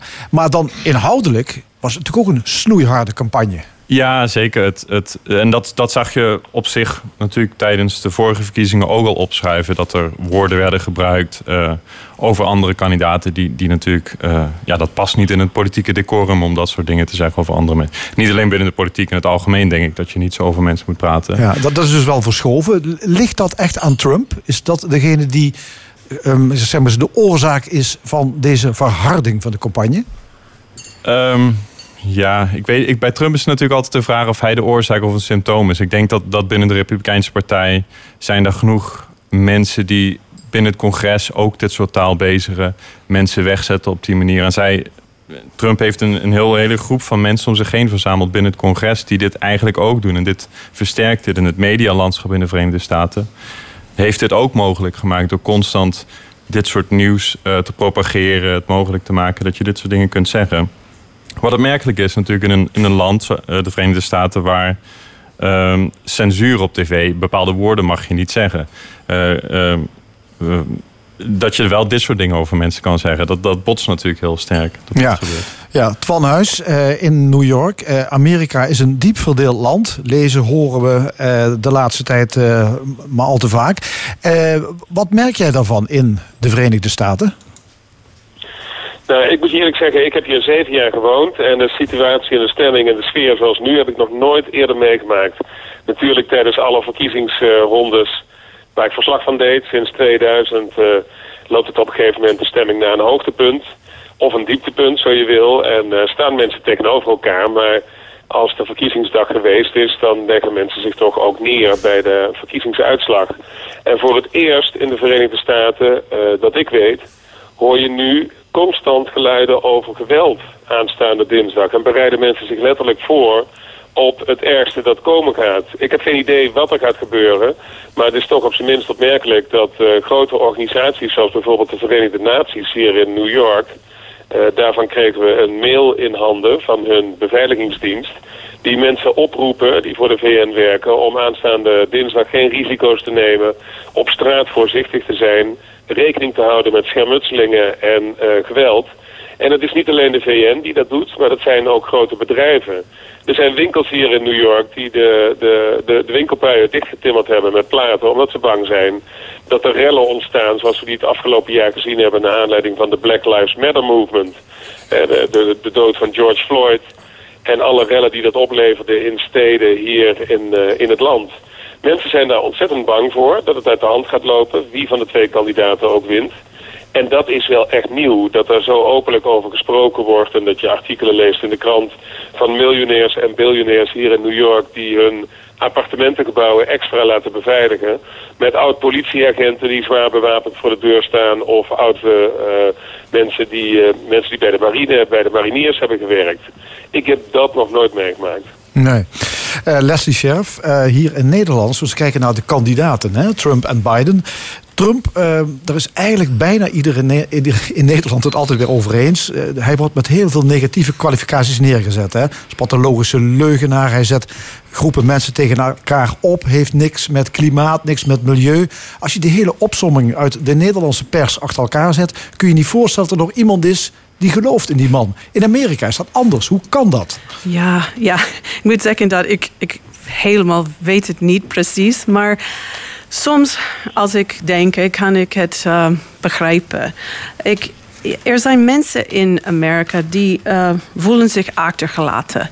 Ze hebben geen goede baan, ze zien geen um, toekomst voor zichzelf. En ze willen iemand ja, ja, schuld te, ma te maken. Ja?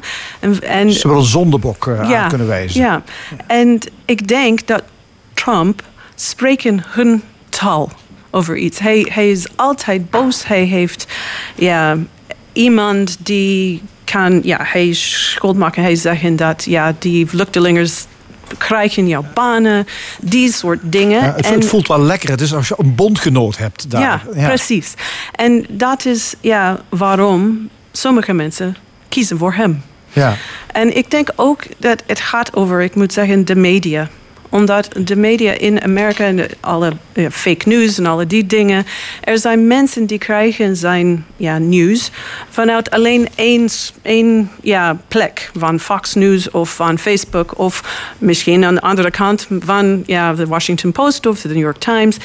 Die zijn zoveel apart dat ja, er is niks intussen. En, en mensen die Trump steunen, lezen nooit de andere kant. En ja, ja het is een, iets moeilijk om, te, om een uh, solutie te vinden. Ja, Melvin Wevers, als, als wij naar Trump kijken, uh, hebben wij ook het idee dat we die man niet begrijpen. Europeanen en Amerikanen lijken wat dat betreft ook niet op elkaar.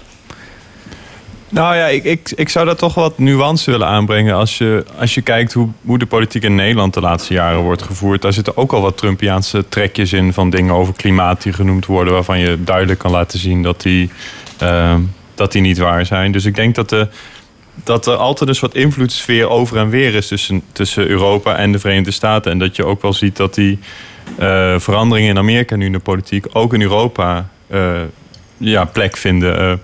Um, landen zoals Italië, uh, Polen, Hongarije wordt Trump wel heel positief bekeken. In Nederland is eigenlijk de, de, de manier waarop naar Trump wordt gekeken... is eigenlijk iets toegenomen de, het afgelopen jaar. Wat je eigenlijk niet verwacht. Maar goed, het, de, je, je dus, bedoelt de waardering? De waardering ja. van Trump. Dus de, als je binnen bepaalde uh, segmenten van het kiezers, uh, de kiezerspopulatie in Nederland... is de waardering voor Trump vrij hoog eigenlijk. En dat, dat is opmerkelijk. Dus... Um, dus in die zin denk ik dat, dat er dat er inderdaad zijn verschillen tussen Europa en Amerika, maar er zijn ook zeker vergelijkingen te maken en overeenkomsten op politiek niveau. Ja. Uh, Biden, de kandidaat van uh, de Democraten, in, dat, dat is natuurlijk ook niet echt de gedroomde kandidaat. Uh, hè? Hoe kan het dat na vier jaar um, dat, dat men een, geloof 76-jarige kandidaat gevonden heeft en dat er niemand anders is bij die Democraten? Uh, ja, daar, daar, daar, kun je heel lang over praten. Maar er zijn mensen die zien dat. Biden is natuurlijk een, een vrij centristische kandidaat. Die eigenlijk een redelijk linkse agenda heeft. Maar die, die, die wel appelleert aan een breed uh, publiek van Amerika. En ik denk dat hij echt een, een soort transitiekandidaat wil zijn. Die een nieuwe groep van, van democratische presidenten mogelijk maakt. En ik denk dat hij met Kamala Harris een, een goede vice-president heeft. Ja. Uh, maar inderdaad, het is geen droomkandidaat. Ik persoonlijk. Terwijl men ook... vier jaar de tijd heeft gehad om een tegenkandidaat voor Trump te vinden in die Democratische Partij. Ja, en die waren er ook zeker. Ik denk dat, dat, uh, dat je met, uh, met Elizabeth Warren een, een, een interessantere kandidaat zou hebben. En, en een vrouw, wat ook interessant zou zijn. Um, en ik denk dat, dat kandidaten zoals uh, ja, Bernie Sanders is natuurlijk een iets meer aan de linkerkant van de spectrum. Maar Pete Buttigieg bijvoorbeeld was ook een jongere generatie van, uh, van uh, ja, geweest. Nou ja, die, maar het is dit geworden, hè? Het, het wordt uh, Trump of Biden. Ja. ja Twan Huis in, in New York. Um, zijn er groepen Amerikanen die de vorige keer op Trump gestemd hebben? Zijn er grote groepen en die nu zeggen: ik zie het toch niet zitten met die man? Ja, dat is de, dat is de 1 miljoen dollar vraag waarop we misschien dinsdag of in de dagen daarna een antwoord krijgen. Uh, ik kan het je niet vertellen. Het is heel moeilijk te zeggen op dit moment. Ik geloof eerlijk gezegd ben ik nog steeds sceptisch over de peilingen waarin Joe Biden voorstaat. En dat ben ik omdat uh, veel uh, Trump-stemmers toch niet echt uit willen komen als ze gebeld worden door opiniepeilers uh, voor hun stem op Trump. dus wat je zag vier jaar geleden is dat Hillary Clinton constant het hele jaar door voorstond in de opiniepeilingen. En plotseling in de dagen voor de verkiezingen en op verkiezingsdag zelf uh, haar voorsprong zag verdampen. En het lijkt mij helemaal niet onaannemelijk dat zoiets aanstaande dinsdag ook zou kunnen gebeuren. Wat je ziet de afgelopen dagen is dat uh, Donald Trump enorm fel campagne voert. Op één dag wel drie of vier grote bijeenkomsten doet. Ook nog vaak in verschillende staten. Waar duizenden mensen op afkomen. Waar ik van denk, en heel veel mensen met mij, van hoe is dit mogelijk... dat midden tijdens een corona-epidemie zoveel mensen bereid zijn om zonder uh, afstand te houden van elkaar en zonder mondkapjes bij elkaar te komen. En terwijl ik dit zeg, uh, zegt bijvoorbeeld vanochtend in de Washington Post de Jaap van Dissel van Amerika, Anthony Fauci, dat het volkomen onverantwoord is en dat het heel veel ellende zal opleveren de komende weken dat dit soort verkiezingscampagnes door Donald Trump worden georganiseerd. Omdat dit heel veel nieuwe coronabesmettingen gaat opleveren in een land dat op dit moment zijn coronapiek beleeft. En toch krijgt Donald Trump het voor elkaar om heel veel mensen naar die rallies te krijgen. Daar waar Joe Biden het allemaal heel voorzichtig doet en op een slakkengangetje. En dus die bijeenkomsten van hem eh, totaal niet fotogeniek zijn. Eh, geen grote mediamomenten en ook nauwelijks, althans veel minder aandacht krijgen op televisie dan de bijeenkomsten van Donald Trump. En dat is toch precies wat je nodig hebt in zo'n laatste week voordat uh, de stemlokalen opengaan of verkiezingsdag begint, dat veel mensen je toch kunnen zien.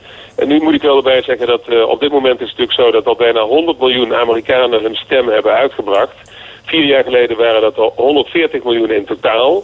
Dus het, uh, bijna twee derde van alle kiezers heeft al gestemd. Maar het is onmogelijk om dit moment te voorspellen wie ervoor ligt en wie erachter ligt, tenzij je de opiniepeilingen gelooft. En ik neem ze toch met een kooltje zout. Ja, want vorige keer zaten ze er ook naast. Uh, Leslie Chef, uh, ken jij zelf uh, van die stiekeme Trump-stemmers? mensen die dus inderdaad er niet voor uitkomen. Ja, je weet dat dus ook niet, hè? Maar ja. heb je vermoedens in, in je kennissenkring van... Ik moet zeggen niet. Ik nee. heb... maar, maar herken je dit? Wat, wat ja, Van Huis zegt dat mensen wel. Ja. misschien wel op Trump stemmen, maar ze komen er niet voor uit. Ja, ja. Ik kan het voorstellen, omdat de situatie is zo wat angstig. Er zijn, ja, je, je kunnen, het kan zou zijn dat als je zegt, ach, vroeger had ik voor Trump gestemd, maar nu wil ik voor, voor Biden stemmen. Ja, je kan jouw, jouw vrienden verliezen of jouw, jouw hele sociale leven verandert als je dit zegt. Dat is ja, niet goed, maar Ja. dat kan maar gaat- gebeuren. de, de consequenties kunnen Ja, gewoon privé kunnen- heel groot zijn. Heel groot, ja. Melvin Wevers, eh, het is ook nog maar de vraag... als eh, Trump dadelijk zou verliezen... of hij echt het Witte Huis verlaat.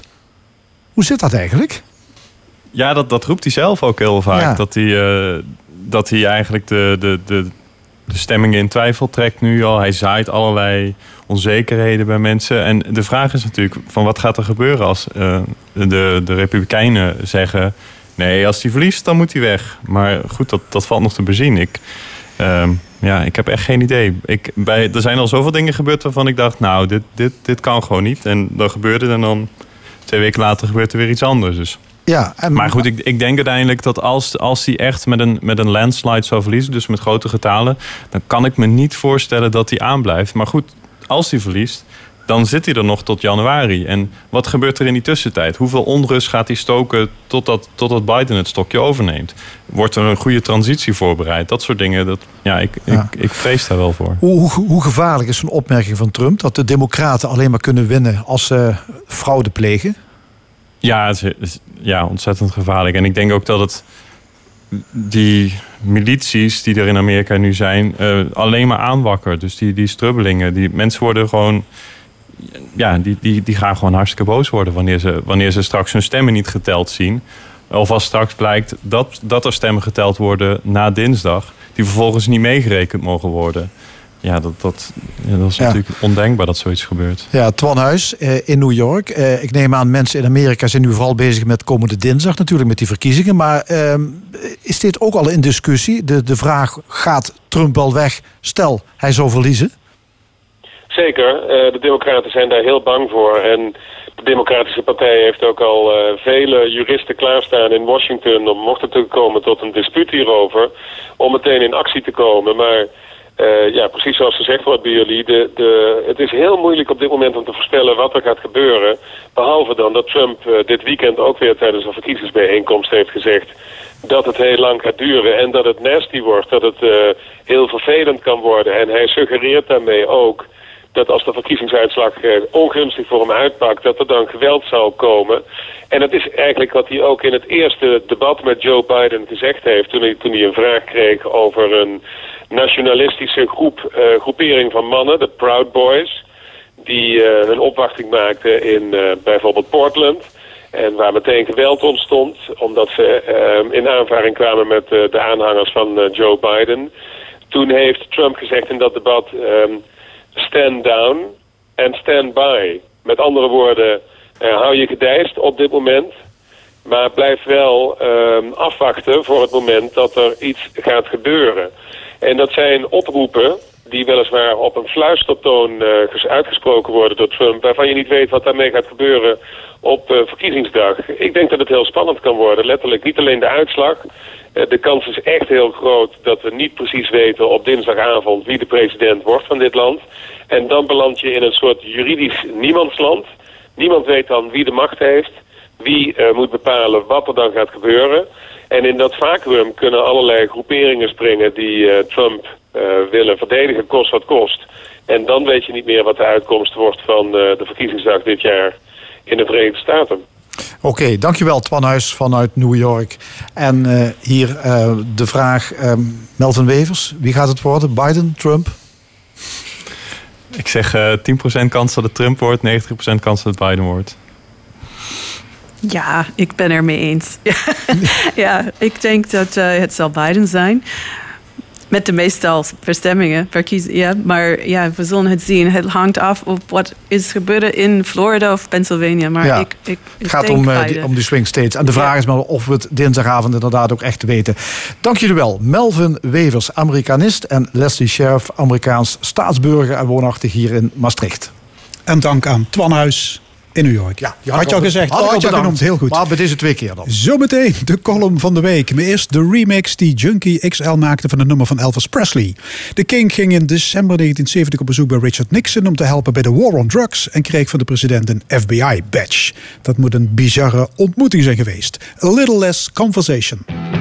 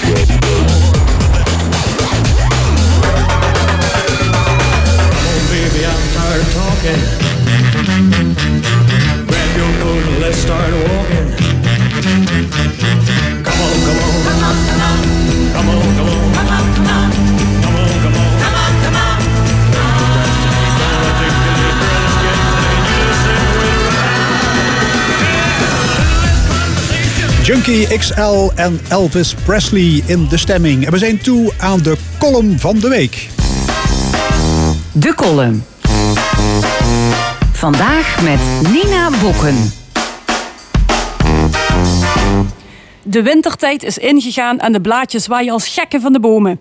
Toen ik nog werkte op de opnameafdeling van een GGZ, was dat waaraan de nieuwe golf depressieve en suïcidale patiënten vaak werd toegedicht.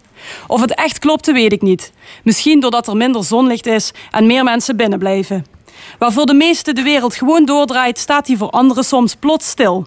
Mij overkwam het ook een paar jaar geleden, toen ik een depressie ingleed.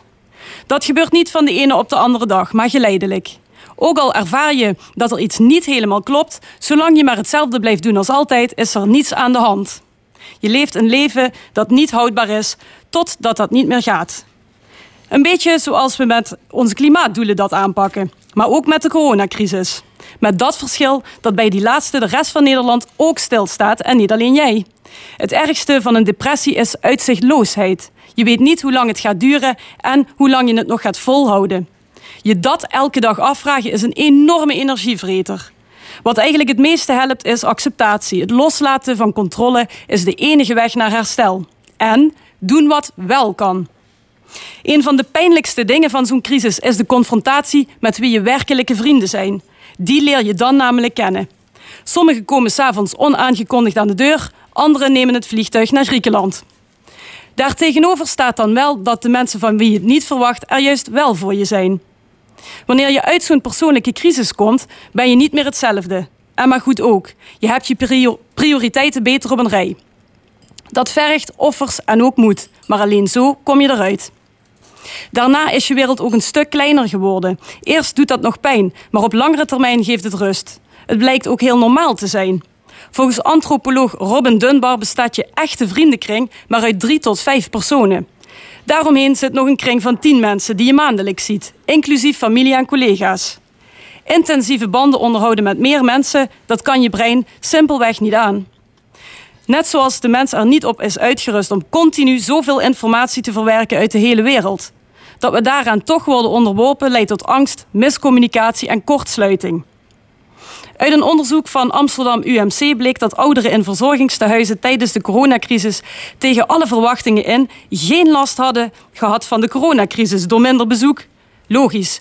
Elke keer weer die irritante zoon of dochter op bezoek met ongevraagde adviezen of onderrondjes met personeel over de hoeveelheid sigaretten die je rookt. Alsof je helemaal seniel bent terwijl je verdomme je hele leven aan de kant hebt gepleurd om die snotneuzen op te voeden.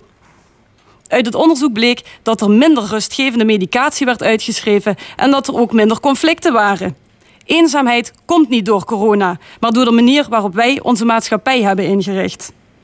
Veel afleiding zorgt anders dan we denken niet tot meer geluk, maar tot minder. Het aantal mensen met psychische problemen liep al op, maar door de coronacrisis nog meer. We raken volledig ontregeld wanneer onze afleidingen verdwijnen en we gehinderd worden in onze gewoontes. Terwijl dat probleem wel eens de oplossing zou kunnen zijn. Net zoals een tweede lockdown waarschijnlijk het laatste redmiddel is om onze klimaatdoelen nog te halen. Het discussiepanel van deze week heeft plaatsgenomen hier aan tafel. Eh, dat zijn oud-PVDA-burgemeester Moeder Quint van Vaals... voormalig CDA Eerste Kamerlid Karel Leunissen... en ex-SP Eerst- eh, Tweede Kamerlid natuurlijk Jan de Wit. Hartelijk welkom. Eh, ja, de coronamaatregelen van het kabinet, sluiting van de horeca enzovoorts, die worden verlengd tot december. Hè, dat is deze week bekendgemaakt op een persmoment. Wie kan zich daarin vinden? Ik. Ja. Ik ook. Monique? Ja. Nou, ik denk dat het eh, een aankondiging is die wel eens tot verlenging zou kunnen leiden. Want ik heb ook al gemerkt dat heel stiekem in zinnetjes de uitdrukking opduikt. Het zou ook wel eens tot in januari kunnen duren. Dus dan denk ik bij mezelf, men heeft ehm, rekening te houden met wat kan het volk nog aan. Ehm, als je nu te ver gaat in de voorspelling dat het nog langer duurt, even niet. Dus we doen het nu gewoon tot in december. Ja, aan de andere kant eh, heeft datzelfde, de volk, datzelfde volk het wel in de hand. Eh, als, als, het, als het niet beter wordt, eh, tussen aanleidingstekens, als gewoon die resultaten niet merkbaar eh, vooruit gaan. En dan met name in de zin dat eh, de ziekenhuizen toch minder vollopen. Ja, dan is het bijna onvermijdelijk dat er nog hardere maatregelen Ja, eh, ver- verpleegkundigen die kunnen het bijna niet Nee. volwerken hè? in de Ja. ziekenhuizen, Ja. de ouderenzorg. Nou, dat En zal die, ook die, even nog zo die- Die, blijven vrezen een zorginfarct door de toestroom van coronapatiënten. En, En het, grote, het grote ziekteverzuim. Die willen strengere maatregelen. Karel Leunissen. Ja, op de lange termijn zal dat effect hebben. Kijk, die piek, dat zei Rutte ook al, die zal hetzelfde blijven. Het aantal mensen wat nu besmet is, dat geeft een spin-off naar die ziekenhuizen in ehm, relatie tot het aantal opnames en het aantal IC-opnames. Dat duurt twee weken. Je bent internist, je weet er veel Ja. van. Ja. Dus dat, die piek blijft hetzelfde. Maar het probleem is, en daar heeft Jan het over... dat die 8900 die we nu hebben, besmettingen per dag...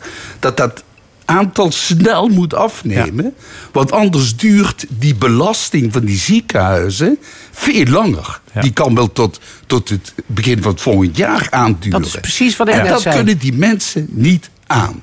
Zeker niet als je ook nog de reguliere zorg overeind wil houden. Ja. Ook die mensen met kanker, met eh cardiale problematiek... die moeten natuurlijk wel gezien worden... en die moeten ook geopereerd kunnen worden. Wat vinden jullie van een korte, harde lockdown? Gewoon laat- het hele land een paar weken plat. Dat is heel vervelend, maar daar zijn we er misschien wel vanaf. Nou, mag ik eerst nog iets anders zeggen? Ehm, ik heb eh, met grote belangstelling gekeken naar de oproep die vanuit de ziekenhuizen gedaan is. om streng nu op te treden tegen het gebruik van vuurwerk met oud en nieuw. Ehm, en ik denk dat de argumentatie daarvoor gegeven werd buitengewoon duidelijk was. En ik vind dit een signaal als de regering het lef heeft om daar serieus mee om te gaan. Met wat dus door de ziekenhuizen is gezegd van... als dit erbij komt, dan houdt het op. Dat werd in feite gezegd. Dan kunnen we het dus echt niet meer aan. Ehm, dus dan loopt werkelijk het water ons over de dijk heen. Dus dat gaat gewoon niet. Als dit signaal niet serieus genomen wordt... dan kan je rustig stellen dat er op dit moment een sfeer gaat ontstaan... eh, waar die massafeestjes waar ik van las vandaag... dat die in Geulen hebben plaatsgevonden en tussen Meers en Stijn... en dat er weer een mentaliteit is van... het kan ons geen donder schelen, we doen gewoon... eh, dat je dan die piek te laat krijgt. En dan ben je dus weer ver in 2021 Maar goed, landen. maar mensen, dus zeker korte- jongeren, die worden corona moe.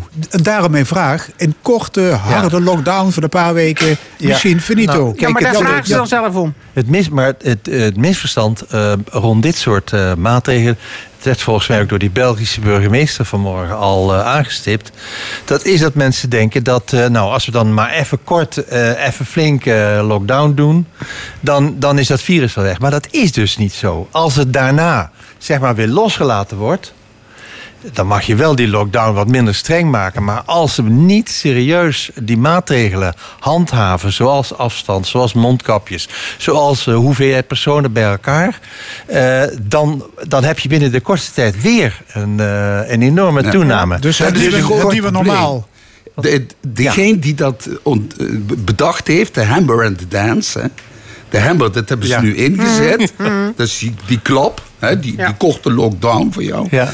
Maar daarna moet je wel weten hoe je uit die totale lockdown weer een beetje versoepelt. En dat hebben ze natuurlijk in de zomer helemaal verknald. Hè? En dat mag, mag nu niet meer misgaan, want dat zou rampzalig zijn. Dus ze moeten nu al nadenken hoe je die, die, die eh, loslaten van die maatschappij, die versoepeling, moet vormgeven.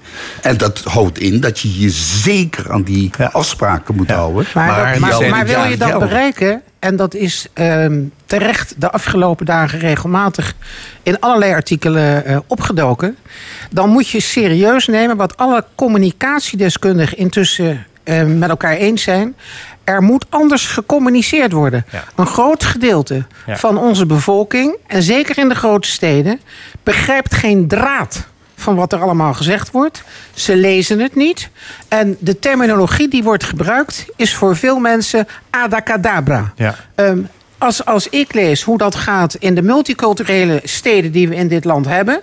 En je kan dat niet onder de duim krijgen. Je krijgt daar geen vat op. Ja, dat de burgemeester van Maasmechelen het ook over vanmorgen. Juist, dan blijf je in een groot gedeelte van ons land...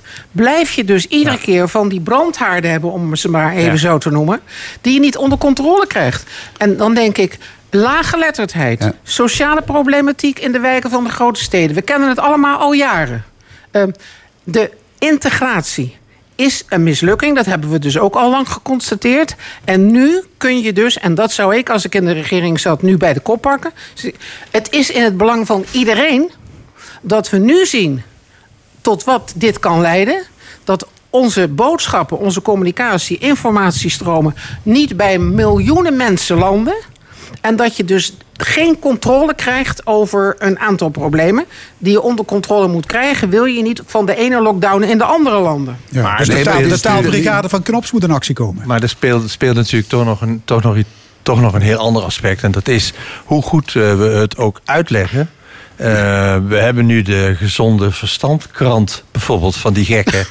eh, van de, van de complottheorieën. En van al die mensen die denken van nou, eh, het zal mij toch niet gebeuren. Die gewoon lak hebben aan die maatregelen. Dat je kan eh, het in begrijpelijke taal proberen te zeggen. Maar er zit een hele stroming in de samenleving van mensen die het niet geloven. En dan kom je toch uit op het punt van de handhaving. Hoe vreemd dat misschien ook klinkt.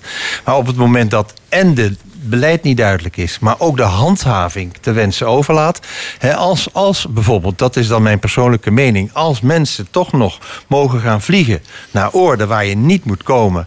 En dan weer terug mogen komen. En dan weer mogen doen alsof er niks aan de hand is. Dus met andere woorden, als de overheid niet durft maatregelen te nemen van quarantaine voor mensen die bewust bepaalde risico's nemen.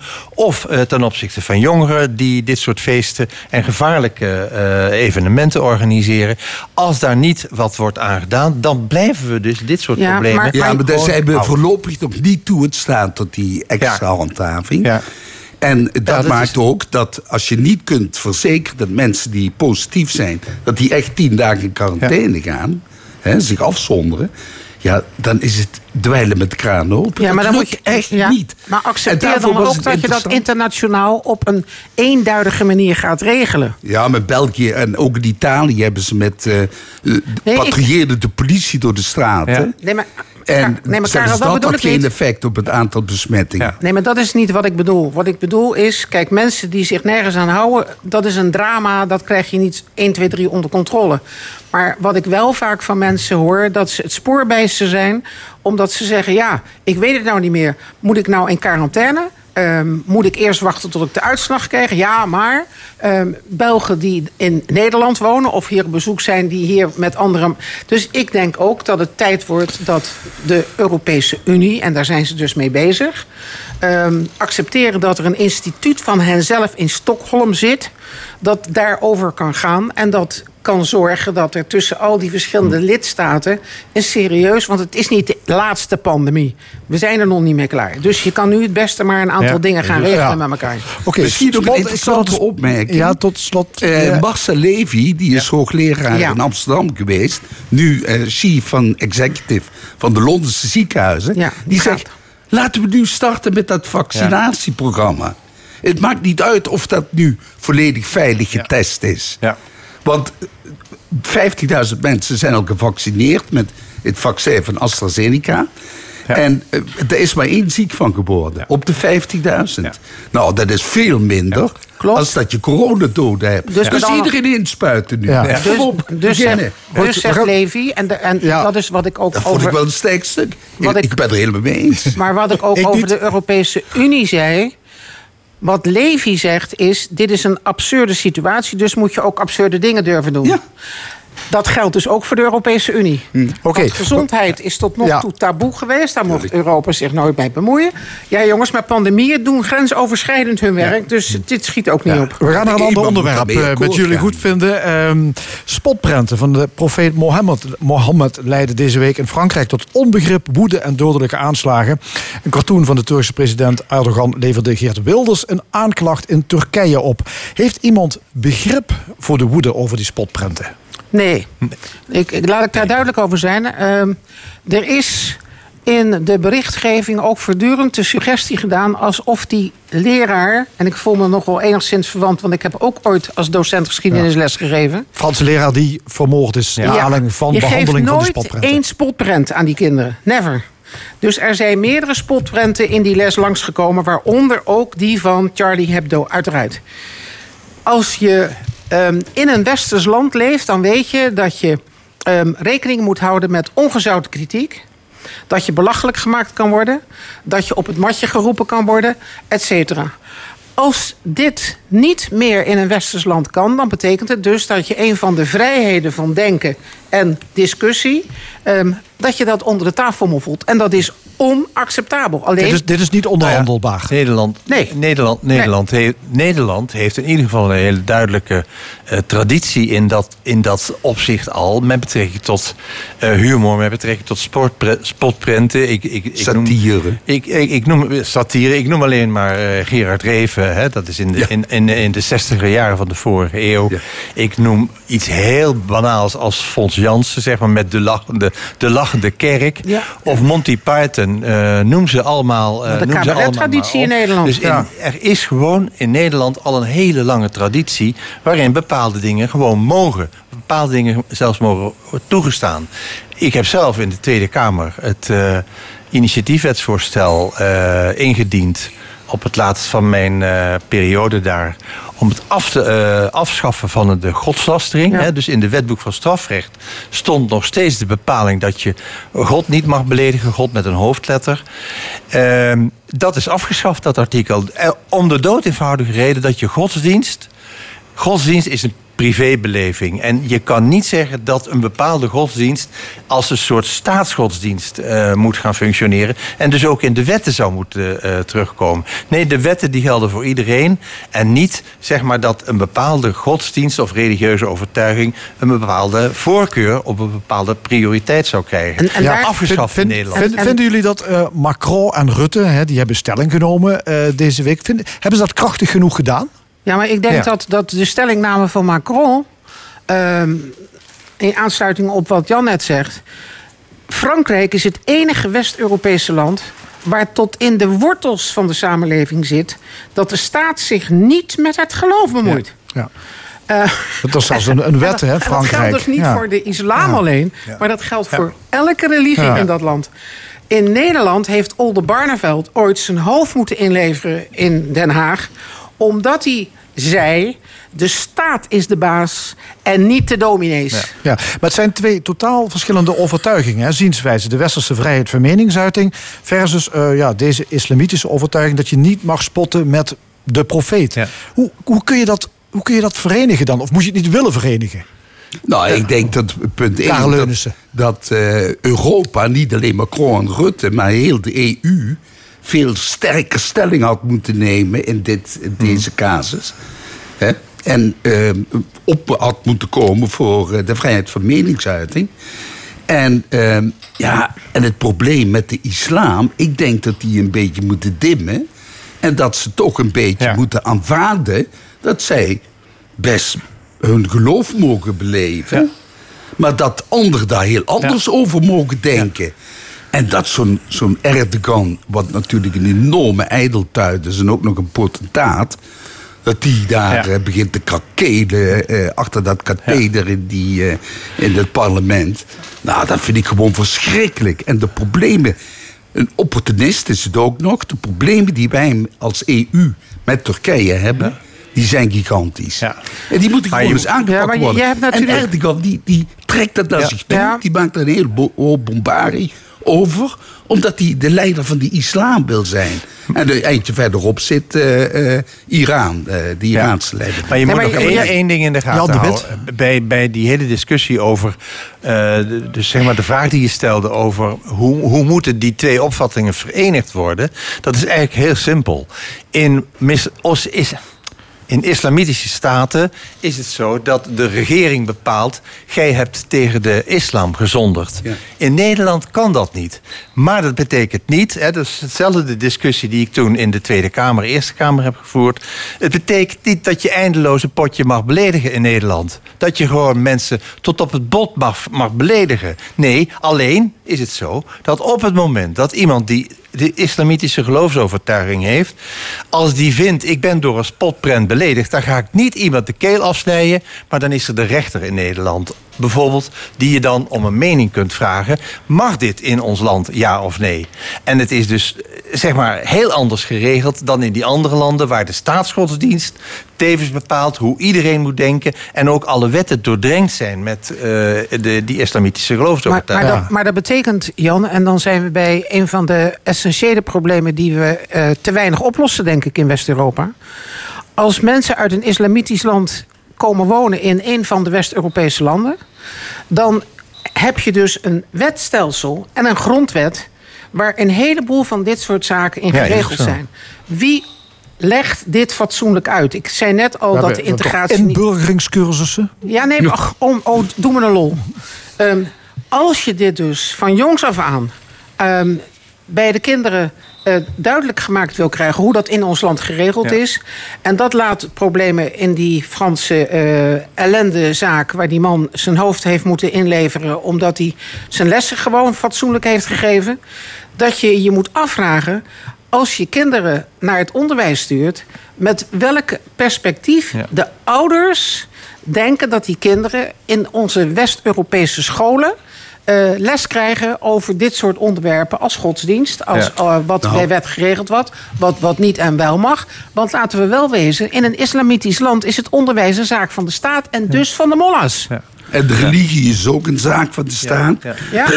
En hier in Nederland heeft Erdogan bij bijvoorbeeld de Turkse immigranten nog altijd een stevige invloed op hoe die mensen denken. En Ja. zeker in het kader van hoe je je godsdienst moet beleven en hoe je je moet gedragen. Ja, maar, maar hoe, hoe- godsdienst. hoe, voorkomen we dan te- dat er te veel van dit soort denkbeelden die ons niet welgevallig zijn in het onderwijs eh, leven? Want het kan natuurlijk hè, op islamitische Ik denk, scholen, ik denk wat. Macron gezegd Ja, heeft. Hij moet die radicale eh, islamitische moskeeën stevig gaan aanpakken. Ja. Desnoods sluiten. Ja. En ook mensen, eh, salafistische groepen die... die daar, daar heeft zo'n veiligheidsdienst heel goed zicht op. die moeten ze gewoon eh, Ja, maar luister, het, ja, land het- uitzetten. We, zi- we zitten nou te praten over. eh, ook in Frankrijk is dat zo. Want het was een. een, een de, de dader, heb ik begrepen, was een Tunesiër. Ja. Eh, dus dat is een oud-kolonie van Frankrijk. Je hebt dus te maken met problemen die we nu al bij de zoveelste generatie van mensen die uit Noord-Afrika in West-Europa zijn gekomen, of uit het Midden-Oosten komen, hier op school zitten en op school gezeten hebben. Wat is er in vredesnaam aan de hand waardoor we er niet in slagen, dat vraag ik me voortdurend af, om de ouders die soms van de tweede generatie of soms ook nog van de derde generatie zijn, om die duidelijk te maken dat in dit land de spelregels zijn zoals ze zijn. En wat Jan zegt, is... wij hebben justitie. Wij hebben rechters hier. Dus als je vindt dat er je iets misdaan is... dan hebben we daar een apparaat voor. Nee, maar dus het probleem zal zijn dat de ouders het dus niet doen. Die zullen het ni- niet doen.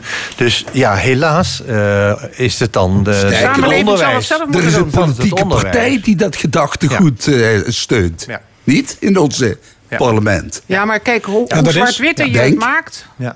Hoe zwart-witter je het maakt, die tegenstelling... hoe groter het risico dat de, hand, de, de, de hakken nog dieper in het zand gaan. Dus bied hulpmiddelen aan. Zorg dat je verder komt in het duidelijk maken hoe een en ander zit. Ja, het, het is de- De- deze week, ander onderwerp, is eh, de kandidatenlijst van het CDA bekendgemaakt.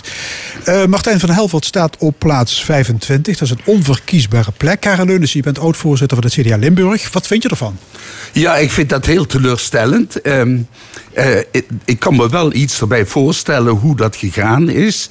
Er zit een versterkt partijbestuur met 30 mensen. Dat is een enorme strijd. Je zult als bestuur van de provincie Limburg je werk vooraf moeten doen. Hè? Binnen je netwerk, met andere provinciale voorzitters schakelen. En ik vind het eerlijk gezegd ook wel een teleurstelling dat maar 5, 15 en dan 25 Limburgers Ja, wij waren. mogen Knops op 5 en Mustafa zat er Amhaus op beter 15. In, eh, eh, 3, 13 en 16. Ja, het moet een hard gelach zijn voor Van Helvoort. Hoe, hoe zou dit ja. komen, Jan de Wit?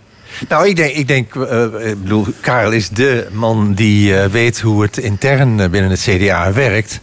Ehm, ik zelf heb een, eh, er wordt gesuggereerd eh, dat, hij, dat hij een kopje kleiner is gemaakt omdat hij zich gemengd heeft in die lijsttrekkers. eh, Dat zal hem niet geholpen hebben, Jan. Toch, dus. Ik denk dat hem dat niet geholpen Nou, en heeft. waar mij, wat mij toen opgevallen is, dat is hij profileert zich wel als een eh, conservatief, heel diepgelovige. eh, En eh, aanhanger van Pieter Omzicht, hè?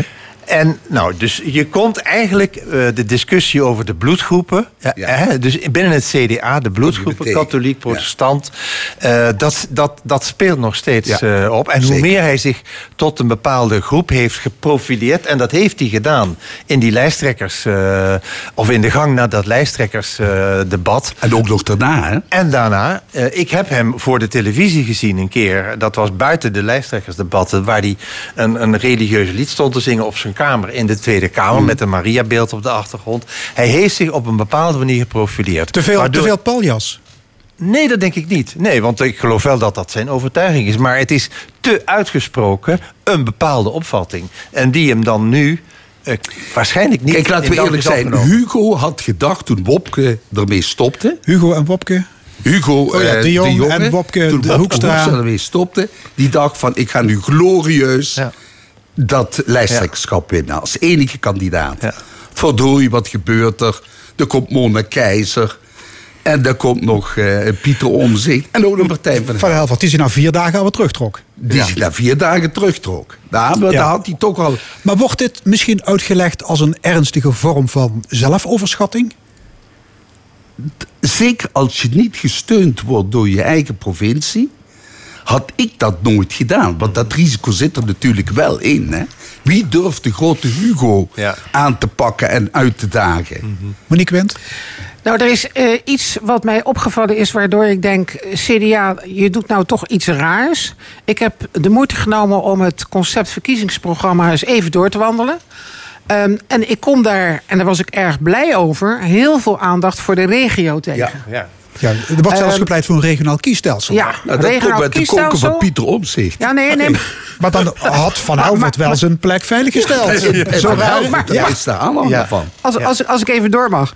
Ehm, als je je realiseert dat bijvoorbeeld het aansluiten eh, van spoorlijnen op de Duitse DCE. Ja. En je hebt het over een heleboel. Waar, waar, waar ik helemaal blij van werd. Dat ik bij mezelf het gaat ook nog eens een keer gebeuren. De ege- eh, regio serieus nemen, et cetera. Dan denk ik. CDA, verdomme, dat geldt trouwens ook voor alle andere partijen. Hou wel in de gaten dat je dan ook mensen in je fractie hebt zitten. die de eeuwige nadruk op de randstad kunnen compenseren. door te zeggen. Als het dan zo druk is in die Randstad... want iedere keer moet ik daar zo om lachen. Het is daar zo hartstikke druk. Oh, wat is het toch druk. We hebben ruimte zat aan de oostkant. En toch, waar wordt steeds meer afval bijgelegd? Daar. Ja. Waar komen de spoorlijnen erbij? Daar. Dan denk ik, we zullen dus uit onze provincie... voldoende mensen in die Kamer moeten hebben zitten. Dus dat moet het CDA wel ook een oplossen, Karel. voorstel. Staat er ook in het programma, dat ben je ook tegengekomen. In het voorstel voor een nieuw kiesstelsel. Waarbij 100 van de Kamerleden, van de 150, uit de regio Ja, ja. komen. Ja, ja. Rechtstreeks uit de regio Maar dan, maar dan moet je de kandidaten daar wel koesteren. En, dan, moet- en, dan moet je, en je moet zorgen dat je kwaliteit hebt. Dat er een specifieke deskundigheid is. En dat hebben ze nu niet in die lijst. Hè. Nee, goed. Maar nog Mag één goed... ik- nee, dat mag niet meer. De tijd is op. Mag ik jullie Martijn hartelijk... haalt het vier voorkeurstemmen. Oké. Met een Quint. Karen Leunissen en Jan de Wit. Het discussiepanel van vandaag. Hartelijk dank. Dit was de stemming. Vandaag gemaakt door Erwin Jacob, Angel Zwaars, Fons Geraas en Frank Ruber. Graag tot volgende week zondag om 11 uur. Dit programma wordt herhaald maandagavond om 8 uur. En is ook te beluisteren via website l1.nl, podcast en Spotify. Ik wens u nog een mooie zondag.